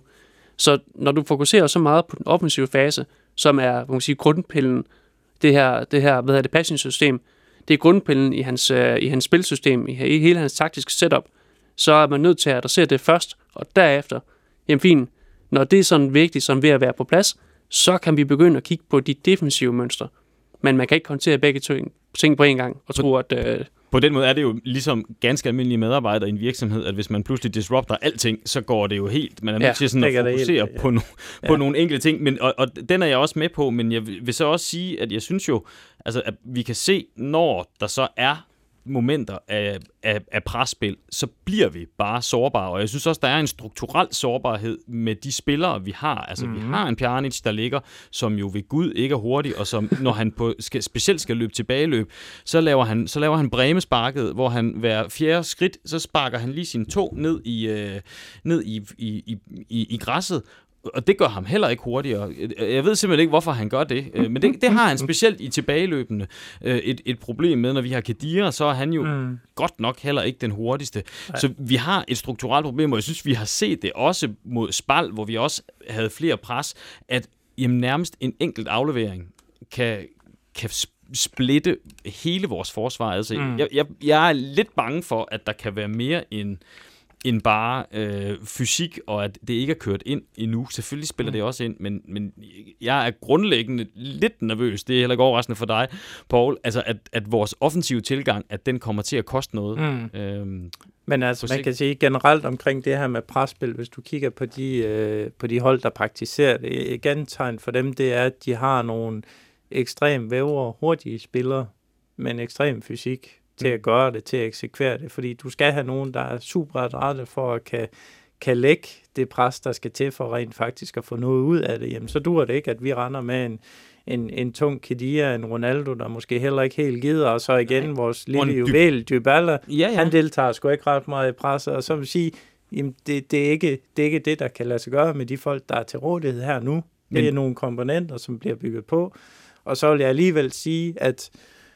det er måske ikke presspil uh, per se, som vi praktiserede mod Inter, men jeg talte i hvert fald en håndfuld gange eller mere, hvor vi rent faktisk kontrollerede Inter til at sparke bolden ud ned mm. fra, egen, uh, fra eget felt af ud over sidelinjen, ja. fordi vi dækkede de her opspilsbaner, de så til gengæld har. Mm. Så på den måde, så behøver man nødvendigvis ikke at køre hovedkuldspres på og hals rundt efter folk, hvis man stiller sig rigtigt. Og det er også en forbedring i forhold til tidligere, fordi tidligere, når vi har forsøgt de der pres, så har der været en tendens til, og det er ikke statistisk øh, belæg, jeg har for det, men det er den der fornemmelse, at det er faktisk tit lykkedes for spillerne, og, altså modstanderne, mm. at spille sig igennem, mm. også selvom vi har lagt det der pres. Ja. Og det er jo rigtigt mod Inter, der lykkedes det ikke, og det var, jo, det var jo også dejligt at se på.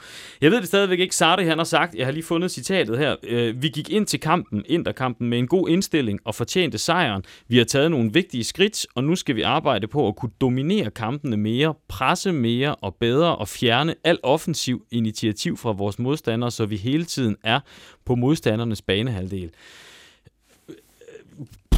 Og I står med, med armene oppe. Jeg tænker bare, hold kæft, det lyder naivt.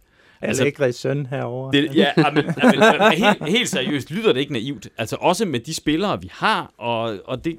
Nej, Jimmy? Nej, det, nej det, det, det gør det ikke, fordi det er konceptet. Det er det her, han gerne vil arbejde hen imod. Og hvis du siger til spillerne, det kan vi kraftede ikke det her. Jamen altså, hvor langt tror du, du man når med det? Altså, det, selvfølgelig kommer vi ikke til at være et Barcelona-mandskab, der kører tiki-taka og har 80% af possession i halvdelen af kampene. Det gør vi jo selvfølgelig ikke, vel? Men vi kan komme derhen af, og vi kan komme hen til et punkt, hvor, hvor vi har, som Paul siger, vi har de her momenter i løbet af kampen, i hvert fald 6-7 gange, hvor vi virkelig bare kan trylle bolden rundt, jeg ved ikke hvor mange gange, og, øhm, og, hvad hedder, og eksekvere en lang, hvad kan man sige, en lang hvad hedder det, sekvens af, af passinger, og få nogle afslutninger på mål. Men han siger men, hele tiden. Ja, ja, ja. men min, min pointe er her, at jamen, altså, det er, vi har jo set, man er, vi har jo set flere gange, at vi har prøvet at lave, altså sammensat de her lange sekvenser af passinger, altså, sekvenser af passinger, og på et eller andet tidspunkt, bum, bum, 1, 2, 3, 4, 5, 6, 7, og 7, okay, 7 en aflevering, bum, så fejler det. Så 1, 2, 3, 4, 5, 6, 7, 8, bum, så fejler den. Vi kommer ikke derhen af endnu, men vi arbejder os ind imod det. Jeg tror faktisk på, at det kommer. Men, men som Paul siger, det er noget, der lige så langsomt bliver bygget på. De spillere, vi har lige nu på banen, det er måske ikke, fordi det er dem, man havde tiltænkt sig, der skulle være starter. Kadir, jeg tror ikke, at det er at det har været plan fra starten af, at han skal være en starter på den her måde her. Matuidi nok heller ikke. Men jeg tror på, at når spillerne de lærer de her systemer efterhånden, og de, øh, man kan sige, at de får det lagt ind under huden, så de ikke skal tænke så meget, når de gør det. Det er det der med, at du skal, du skal koncentrere dig virkelig meget om, for det første, stå det rigtige sted, aflevere, løb det rigtige sted ind, efter du har afleveret, kig op, modtag, klar så løb igen, og find den næste mand. Og så, altså det, er, det kræver fandme meget, når du skal tænke over det, hver gang du gør det inde i kampen. Efterhånden, så tror jeg, at når vi har det her om en, jeg siger, om en halv års tid, så bliver det nemmere for spillerne at forholde sig til, det bliver nemmere at udføre. Øhm, jeg ser det ikke urealistisk, at vi kommer til at have en, man kan sige, en possession-grad på 60-65 procent, som stabilt i, jamen sådan fremadrettet. Det tror jeg også godt, vi kan regne med. Og det er jo Sejers filosofi, det er, at jamen, altså, hvis ikke at øh, modstanderen de har bolden, så kan de ikke score. Og jeg synes egentlig, en, en fed, fed filosofi, og jeg tror også godt på, at han kan få det til at køre, fordi hvis han kan få det til at køre sådan nogenlunde med Napoli, altså kan han altså også godt med Juventus. Mm. Og man, man kan jo se, øh, jamen, øh, hvis man tager eksempel som Liverpool, de fleste hold, der møder dem, de er faktisk øh, ret trætte af at skulle spille bolden ud nedfra. Prøve på det, fordi de får godt nok ikke meget plads for det. Og, og der er ikke ret mange af de hold, der rent faktisk kommer over midten og skaber noget derfra. Det er på nogle andre situationer, de skaber tingene. Inter havde en god session mod øh, øh, Barcelona, hvor Barcelona ikke havde intensitet nok, så Inter kunne spille sig ud af det. Øh, og de understreger så netop din pointe med at sige, gør man det ikke rigtigt, og lægger man ikke 100% i det, jamen så kan man blive skrøbelig bagved, og Inter mm. havde, fik faktisk en stor chance ud af det, men, men, men Liverpool må være uh, meget referencepunkt for, hvordan det skal eksekveres, fordi de er knæmme dygtige til det. Men risikoen er jo så netop også, ved min pointe være, øh, lidt større, når du så har lavet det der offensive pres, altså mm. at det så går galt, hvor man kan sige, hvis, det, hvis man står defensivt, så er så bliver risikoen for de der enkelte øh, dødslag ikke helt så stor. Der kommer flere chancer, modstanderne får flere chancer, får flere dødbolde, fordi man står lavt, men, men, men man spiller ikke med helt så meget risiko. Men øh, jeg er også glad for, at vi, øh, har, at vi skal presse op det. Ja, ja. Forstå, mig, forstå mig ret, ikke? Øh, men jeg synes bare, der er en... Jeg kan se en risiko for, når vi ser på spillerne, og ser på strukturen, og ser på, mm. på de fejl, øh, fejl, der alligevel opstår i løbet af kampene, så, så synes jeg, der er, nogle, der er grund til at være mildt bekymret mm. alligevel. Specielt når vi kommer op imod de store hold i de afgørende kampe, hvor en enkelt fejl jo bare mm. kan være alt afgørende. Men, men altså, det er jo essensen af det at, at være træner, når man baserer sin filosofi på en eller anden måde at spille på, ikke? Jamen, så vurderer man risiko øh, hele tiden. Og øh, som Jimmy han siger, jamen Sarris øh, mentalitet til det, ligesom Klopp og Guardiolas, det er, at at jo længere vi kan holde dem fra vores mål, jo mindre er chancen for, at de rent faktisk scorer. Og jo højere op på banen vi kan erobre bolden, jo større er chancen for, at vi scorer. Hmm. Uh, så er der de her klassiske italienske trænere, som siger, bring it on, vi står gravet ned hernede, vi har bussen parkeret, ikke også, og vi træner intensivt fire ud af fem dage i ugen på at stå godt og afværge alt, der kommer herned. Ikke? I kan bare høvle bold ind, I kan bare lade Messi komme ind, så høvler vi ham. Uh, det, det er så den anden tilgang til det. Altså, min filosofi heller bare med historie mod, uh, som, som sejr og så videre har, ikke? At, at jeg synes, risikoen alt er lige er, er mindre for modstanderne score, jo længere de er fra vores mål af, og omvendt så er vores chance for at, at score mål, det er væsentligt højere, jo længere op vi kan erobre bolden. I nævnte selv lige øh, dødboldsituationerne også, hvordan det ser ud. Er det bare mig, eller i hvert fald ved hjørnespark, ser det der ud til, at vi er begyndt at rykke lille smule længere ud fra, fra målet. Det har set ud som om i, i de første kampe, der stod vi nærmest som sådan en, en mur inde i det lille felt, og så havde vi problemer med at nå ud til modstanderne. Men her i de seneste kampe, synes jeg at kunne bemærke, at vi har flyttet os en lille smule ud af. Er det mig, der tager fejl, eller har I set det samme? Det, jeg tror, du har ret. Altså, det er jo igen noget, som, som vi snakker om, det er jo et område, hvor, hvor Sai, han er også helt korrekt, han har adresseret tropperne i, at det her, det er vi nødt til at få styr på. Det er klart, at de har ikke haft... Øh, altså, de har, de har ikke øh, haft øh, implementeret de øh, defensive løsninger, til, som tilstrækkeligt i, i starten af sæsonen. Jeg tror bare, at det her, jeg ved ikke, om man kan sige, det er om det er en form for oversight, at det er noget, man ikke har, har, har lagt særlig meget sådan vægt i fra starten af, at det her det er noget, vi virkelig skal have styr på. Man har måske undervurderet, hvor, hvor stor en, øh, man kan sige, en forskel der er for at Manmark under hjørnespark, som det er at, øh, at, at markere. Og det kan simpelthen bare være, at man ikke har lagt øh, energi nok i det til, at spillerne de rigtig har kunne udføre det i kampene. Så, så jeg tror, det er noget, man virkelig har, har lagt øh, blod, sved og tårer i her på det seneste, efter vi har indkasseret relativt mange mål på, Ja, der er på Jørgens nogle stykker, ikke? og død i bolle. Mm. Øhm, og så, så det, jeg, jeg tror, det er det, det, er det, vi ser resultatet af nu, at det er, at spillerne de, de bevæger sig på en anden måde, og det kan også godt være, at Sej, han har været inde og tweak på et, på et par områder, for at det bedre passer til, til, til, de, til hvad kan man sige, den måde, hvor spillere de løber på. Det skal jeg ikke kunne sige. Jeg har ikke, jeg har ikke lige set uh, træningsvideoerne. Men, øhm, Hmm. Men altså, det er jo ligesom med det offensive spil, ikke? At, at du lærer, hvilke rum og, og løb du skal tage, ikke? Jamen, det samme i, i, i forsvaret, ikke? Jamen, der lærer du, hvordan øh, er zonerne delt op, ikke? Og hvordan skal du øh, agere sådan rent dynamisk i forhold til hinanden? Hvordan er aftalerne? Hvem går på forrest? Hvem går på bagerst? Og sådan nogle ting, ikke? Og det er bare noget, der skal, der skal øves. Det er ikke en, en generel svaghed, men det er simpelthen en interaktion mellem, mellem nye spillere, ikke? Hvor Bonucci og og Delict, jamen de er de nye folk i, i midterforsvaret, og igen, Delict, han træner italiensk, det er også fint, men, men han kan det stadigvæk ikke, så... Det er også, jeg tænker også, hvordan vil den her podcast lyde, hvis den ene af os ikke kunne dansk? ja, præcis. det, det kan godt være, at det vil, det vil, kvaliteten vil måske variere en lille smule ind i, Ja, ja, ja. i, nogle af, i nogle af vores snakke. Der vil, der vil vi måske ikke lige ramme den lige... Øh. ja, hvis, jeg nu tager, hvis jeg nu giver den rigtig godt gas med podcast whisky en dag, så kan det godt være, at jeg heller kan snakke skvidt. Så ender vi med at Ja, det, det bliver godt at gøre det en dag.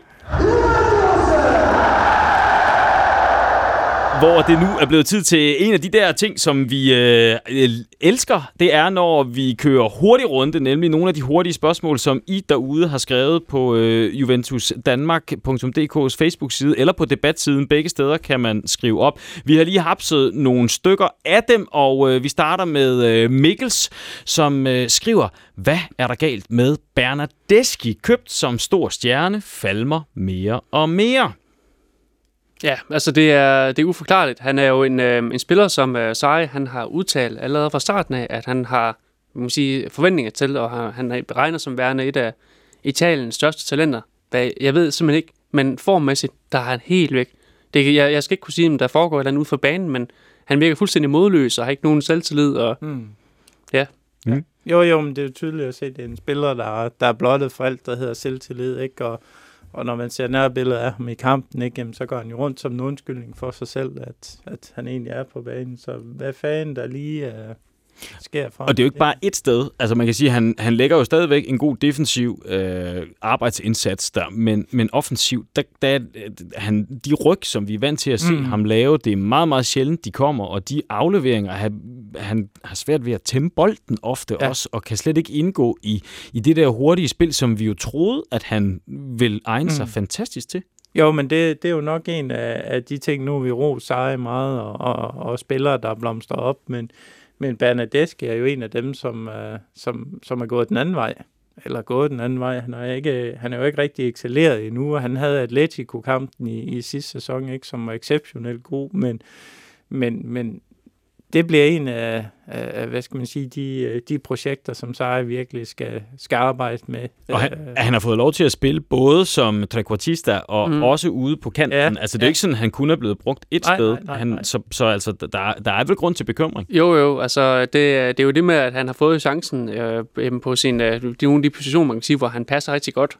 Sarri, han har været ude og udtale her for nylig, at jamen, han ser ham lidt på, på sigt som værende en specialiseret midtbanespiller. Hvad så end det kommer til at betyde, det ved jeg ikke helt, men altså, der, der er en plan for ham, men lige nu, der, øh, der halser det. Han går nok noget bagefter.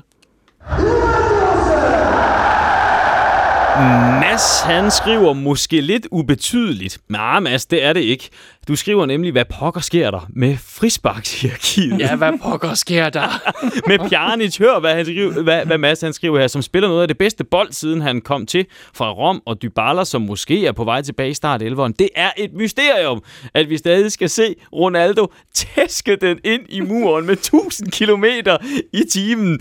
Mm. Han har vist sig som en glimrende holdspiller, har han Ronaldo, men er det ikke på tide, han erkender, at han som frisparkskytte minimum er nummer 3? Jo, altså med mindre Sejers øh, taktisk oplæg er, at Ronaldo han skal skade spillerne ved at så skyde bolden hårdt ind i dem, så kan jeg ikke se, hvad formålet er, fordi vi har nok en af verdens bedste frisparkskyttere i Pjanic, og Dybala, han er altså heller ikke ufarlig. Han, jeg tror faktisk, at Dybala, han har scoret flere frisparksmål for Juve, end, end Pjanic, han har, hvis ikke jeg husker helt forkert. Mm, det er... øhm, så jeg begriber virkelig ikke, hvorfor at Sarri, han ikke gør, som han ikke gjorde. Det var, jamen fint, nu er bolden langt ude fra feltet af. Du har drøn af Spark Ronaldo. Værsgo, go. Når vi kommer tættere ind på, så har du en super højrebenet og en super venstrebenet vil man sige, mulighed i Dybala og Pjanic. Jeg forstår ikke, hvorfor han ikke bruger det. Og det kan være svært at forstå jo, fordi vi kan se det, og det bør alle, øh, der har forstand på det i Juventus jo også kunne se. Kunne man, altså, hvad kunne vi forestille os af grunden til, at Ronaldo bliver ved og ved? Paul, har Jamen, taktikken virkede det sidste gang. Ronaldo skød i muren, og så scorede Pjanic på rebound. Hvad er problemet? Den er, den er de trænet meget derhjemme. Endnu de detaljer. Aftaler, jeg hakker den ind i maven på, ja. øh, på muren, ja. og så kommer den ud til dig, og så skyder du den ind. Ja, nej, men altså, det, det er jo klart noget hierarkisk, der er i det, hvor man kan sige, at Ronaldo har fået lov til at være Ronaldo, ikke? og det, det burde han selvfølgelig ikke være i det der tilfælde. Nu, hvis vi snakker statistik, han har ikke scoret på frispark på klubniveau i tre år. Tre år har han ikke scoret på direkte frispark. Han har gjort det på landsholdet, jo tak, men på klubniveau har han ikke scoret i tre år. Det kan være, det kommer næste gang. han er der næste gang.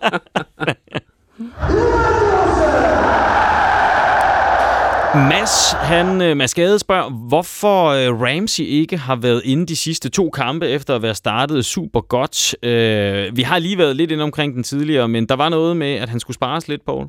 Ja, han, øh, han er jo generelt bare på skånekost. Altså, han, han, han er jo lidt af glas indtil videre, ikke? Øh, og øh, jamen, i forhold til sidste kamp, så skulle han jo faktisk have været inde i stedet for Bernadeschi ved halvleg. Men øh, øh, så er udtalt på presmødet bagefter, at han havde øh, en lille irritation i låret, så han ville ikke risikere noget mere.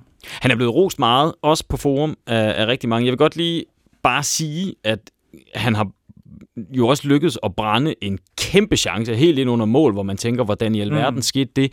Det skete også op til flere gange, at han valgte den ikke optimale aflevering. Netop, det var faktisk også ham, der var meget slem til at, at lave den korte, forkerte mm. aflevering, i stedet for at se en, der faktisk lå bedre. Øh, selvfølgelig har han også spillet godt, og han går rigtig flot med i spillet, og er en del af de der trekanter, men, men det er vel ikke kun godt med Ramsey? Nej, men, men, men giv, giv nu manden lidt tid, hvad kan man sige. Han, han har ikke spillet meget. Han kæmper stadigvæk for at komme i form. Øhm, det er et helt nyt spillekoncept. Early days. Jeg er slet ikke i tvivl om, at han kommer til at blive en, en, en magtfaktor på den midtbane. Hmm. Men han skal have tiden til at komme i form. Han skal have tiden til at lære systemet at kende. Det er altså der, jeg må sige, jeg, jeg er ikke særlig bekymret. Jeg synes egentlig, at han, han viser, at han, han, han tør, han tager ansvar, han, han tør øh, hvad hedder det, lave driblinger. Han tør at prøve at finde den, den, den, rigtige, øh, den rigtige aflevering. Han spiller ikke bare bifodbold, så jeg tror, det, det skal nok blive godt. Mm. Han kan gøre forskellen. Ja. Morten Mollerup spørger, er det ikke tåbeligt, at der er 15.000 fans, som vil have fjernet Contes stjerne, fordi han nu er i Inter? man skal passe på, at man kan kalde det tåbeligt, fordi man, altså selvfølgelig synes jeg, fordi man, altså fodbold laver følelser, men, men altså, jeg, jeg synes, det er uforståeligt. Fordi, det er mange. Altså fem, det er jo ikke bare, det er jo ikke bare 1000, det er, at det er 15.000. Det er, det er mange, ja, det er det. Øh, og, men jeg, altså, jeg, kan godt, jeg kan godt se, hvor, hvor, hvor det kommer fra, at folk er fortørnet over, at han tager til en direkte rival. Men kom, kom nu lige, altså, han har gjort så meget for holdet som, som spiller, som kaptajn og som træner, at han så tager til en lidt sørgelig klub, det øh, synes jeg mere, det, det er jo nærmere mere synd for ham. Altså, det er, end, end at det er noget, der kan gøre, at vi skal lægge en masse energi i det. Helt ærligt, jeg synes, jeg synes der skal mere til for at viske så meget øh, øh, ud af det, han har gjort for, for, for klubben. Det, det, er min, det er min ærlige mening. Mm.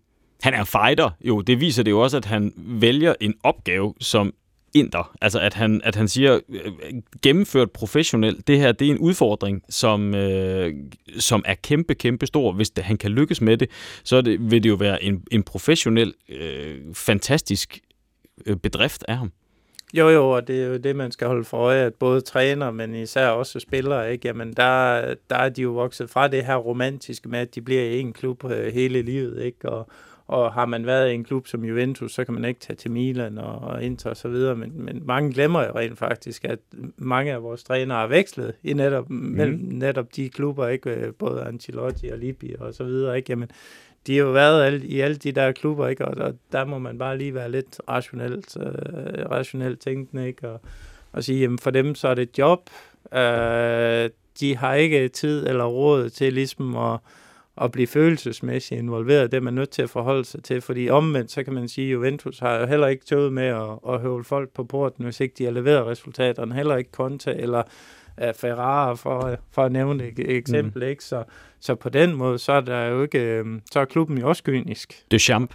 Ja, for det er champ, ikke? Øh, for at tage nogle eksempler. en til. Ikke? Så, så på den måde, så er man også bare nødt til at forstå, at selvom det er følelser, så er det også en professionel sport. Ikke? Og så fejrede han ikke øh, Inders mål på straffespark. Mm, det er rigtigt. Det gjorde han ikke. Øhm, så kan vi selvfølgelig tage det ud af det, hvad, hvad det er. Vi har også godt set ham nogle gange, at han er totalt stoneface, så selvom mm. Juventus har, har scoret, hvor, hvor han har været træner.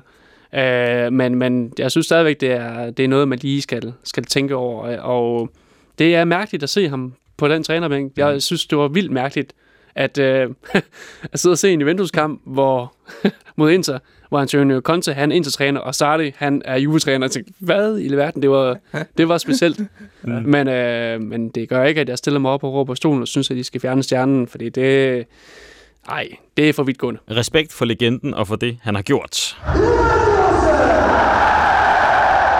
Og nu vi er ved legender, så var det her jo også perioden, hvor vi skulle sige farvel vi har jo allerede sagt farvel til Claudio Margisio, men nu indstillede han jo så karrieren øh, og valgte at indstille den der, hvor det hele startede og vel nærmest også sluttede, kan vi sige.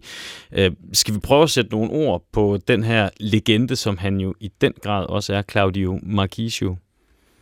Ja, altså han, øh, han er jo nok en af mine øh, yndlingsspillere for, for, altså for det moderne Juventus. Øh, han er, altså, så, hvis vi nu ser bort for det rent spillemæssige, så rent persona, øh, hvad hedder det, hvad hedder det, i personregi, jamen så Jesper Kirk han også været meget god til at skrive nogle gange ind på, på, på forum omkring hans betydning for, for klubben. Både, altså både banen, men også uden for banen, med at han har ligesom været indbegrebet af den her Juventusson, også med i med, at han er, han er, han er jo en, en, en indfødt, og han er, um, øhm, han, han er sådan kommet op igennem ungdomsrækkerne hele, så han ved ligesom, hvad Juventus, hvad det handler om, han har været god til at, at tage den, øh, den attitude med, så kan man sige, både, øh, både kan man sige, øh, ind på banen, men også med, med til de unge, de, de unge spillere og til, til de spillere, som der som er kommet til klubben, og få dem til at forstå, hvad handler det om at være i den her klub, ud fra et professionelt synspunkt og mentalt synspunkt. Så, så han har haft utrolig, utrolig, utrolig stor værdi for os i man sige, den, den relanceringsperiode, vi havde under Antonio Conte, hvor han var en, et, man sige, han gik, han gik fra at være et bærle, sådan, altså en bærende element som Mezzala til at være et bærende element som, som register. Altså han har virkelig givet, givet meget på, på midtbanen, synes jeg, men også, øh, også som menneske. Han sagde øh, selv, jeg var en dreng, der drømte om at spille i Juventus, og jeg gjorde det. Øh, næsten 400 kampe siden debuten i 2006 har han spillet. Øh, måske var det sådan lidt en af de der held i uheld situationer med Calciopoli, øh, fordi man kan sige med Emerson, øh, Vieira og Nedved og Camoranesi, så er det ikke sikkert, at han havde fået så meget udviklende spilletid, mm. som han så endte med at få, øh, og var måske aldrig blevet den der lille prins. Øh, hvordan var han spillemæssigt? Vil du huske ham, Paul?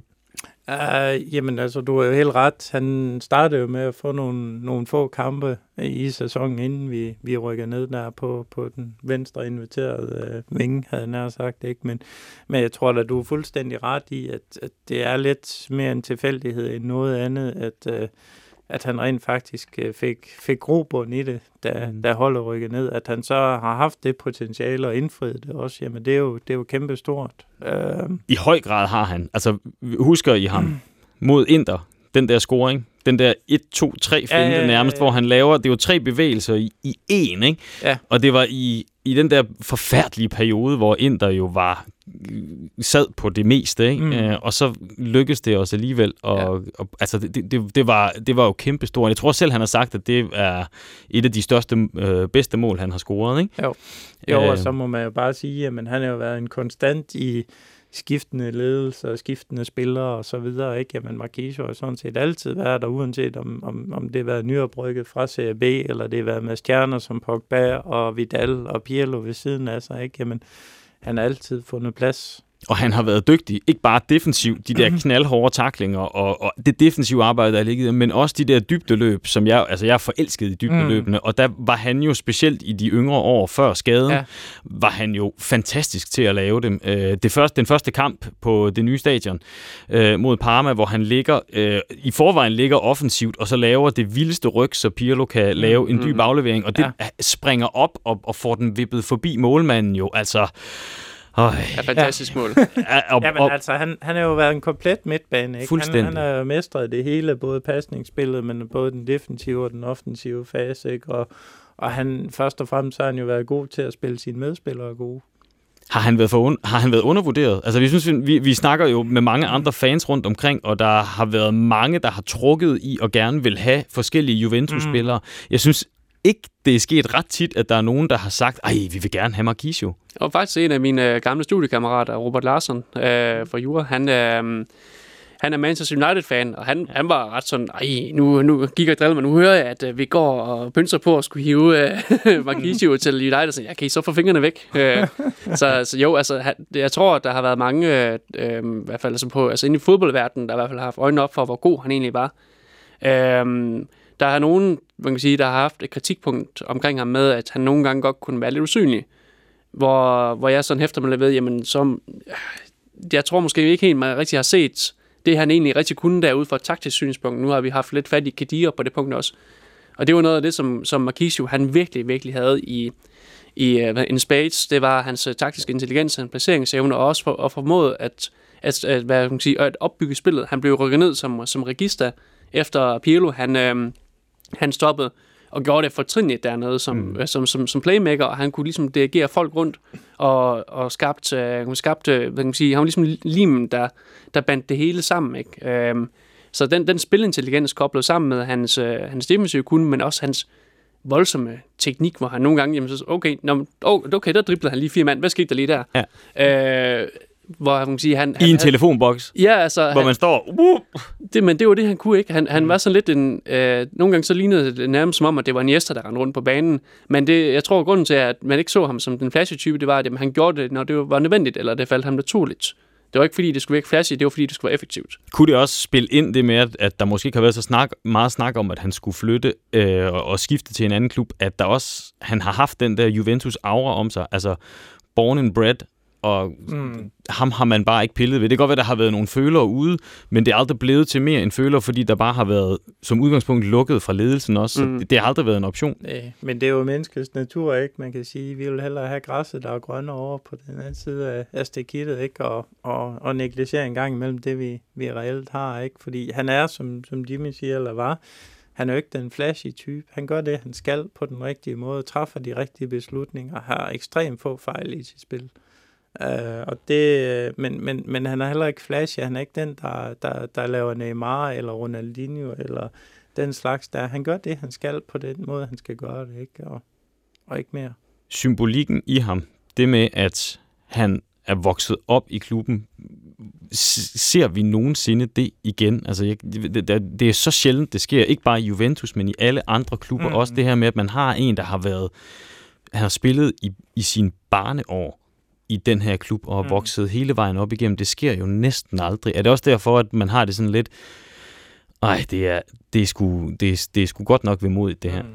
Det gør, det gør ekstra ondt, øh, men jeg vil igen gerne understrege, at, at det er ikke kun nostalgi, i hvert fald i min optik, der gør, at han er savnet. Han var mega god. Han Jamen, det er jo det, er jo det der ligger i det, fordi vi har jo også haft, altså Giovinco var også sådan vokset op i klubben, men, men kom kun lige til sådan at, at, at snuse til noget, ikke? Mm. Og, og der har været et par andre, øh, som også har, har, har gjort det men, det, men, men aldrig som har spillet en reel rolle på første holdet, vel? Nej, men, men det er jo romantikeren i os, os alle sammen, altså i forhold til vores tid, hvor vi uh, reelt har været fans af Juventus, så er han vel den eneste, der reelt er, er kommet igennem hele systemet, ja. som har været etableret blandt, jeg vil godt kalde det verdenseliten, for det synes jeg faktisk, han, er, han har været, ikke både på, på Juventus, men også på det italienske landshold, har han også været en integreret del af, at det, ikke? Og som du selv siger, jamen nej, jeg tror heller ikke umiddelbart, at det kommer til at ske igen. Altså jo, jo længere Juventus kommer op i niveau, ikke? Jamen jo sværere bliver det for ungdomsspillerne at komme igennem systemet, og vi har i forvejen ikke øh,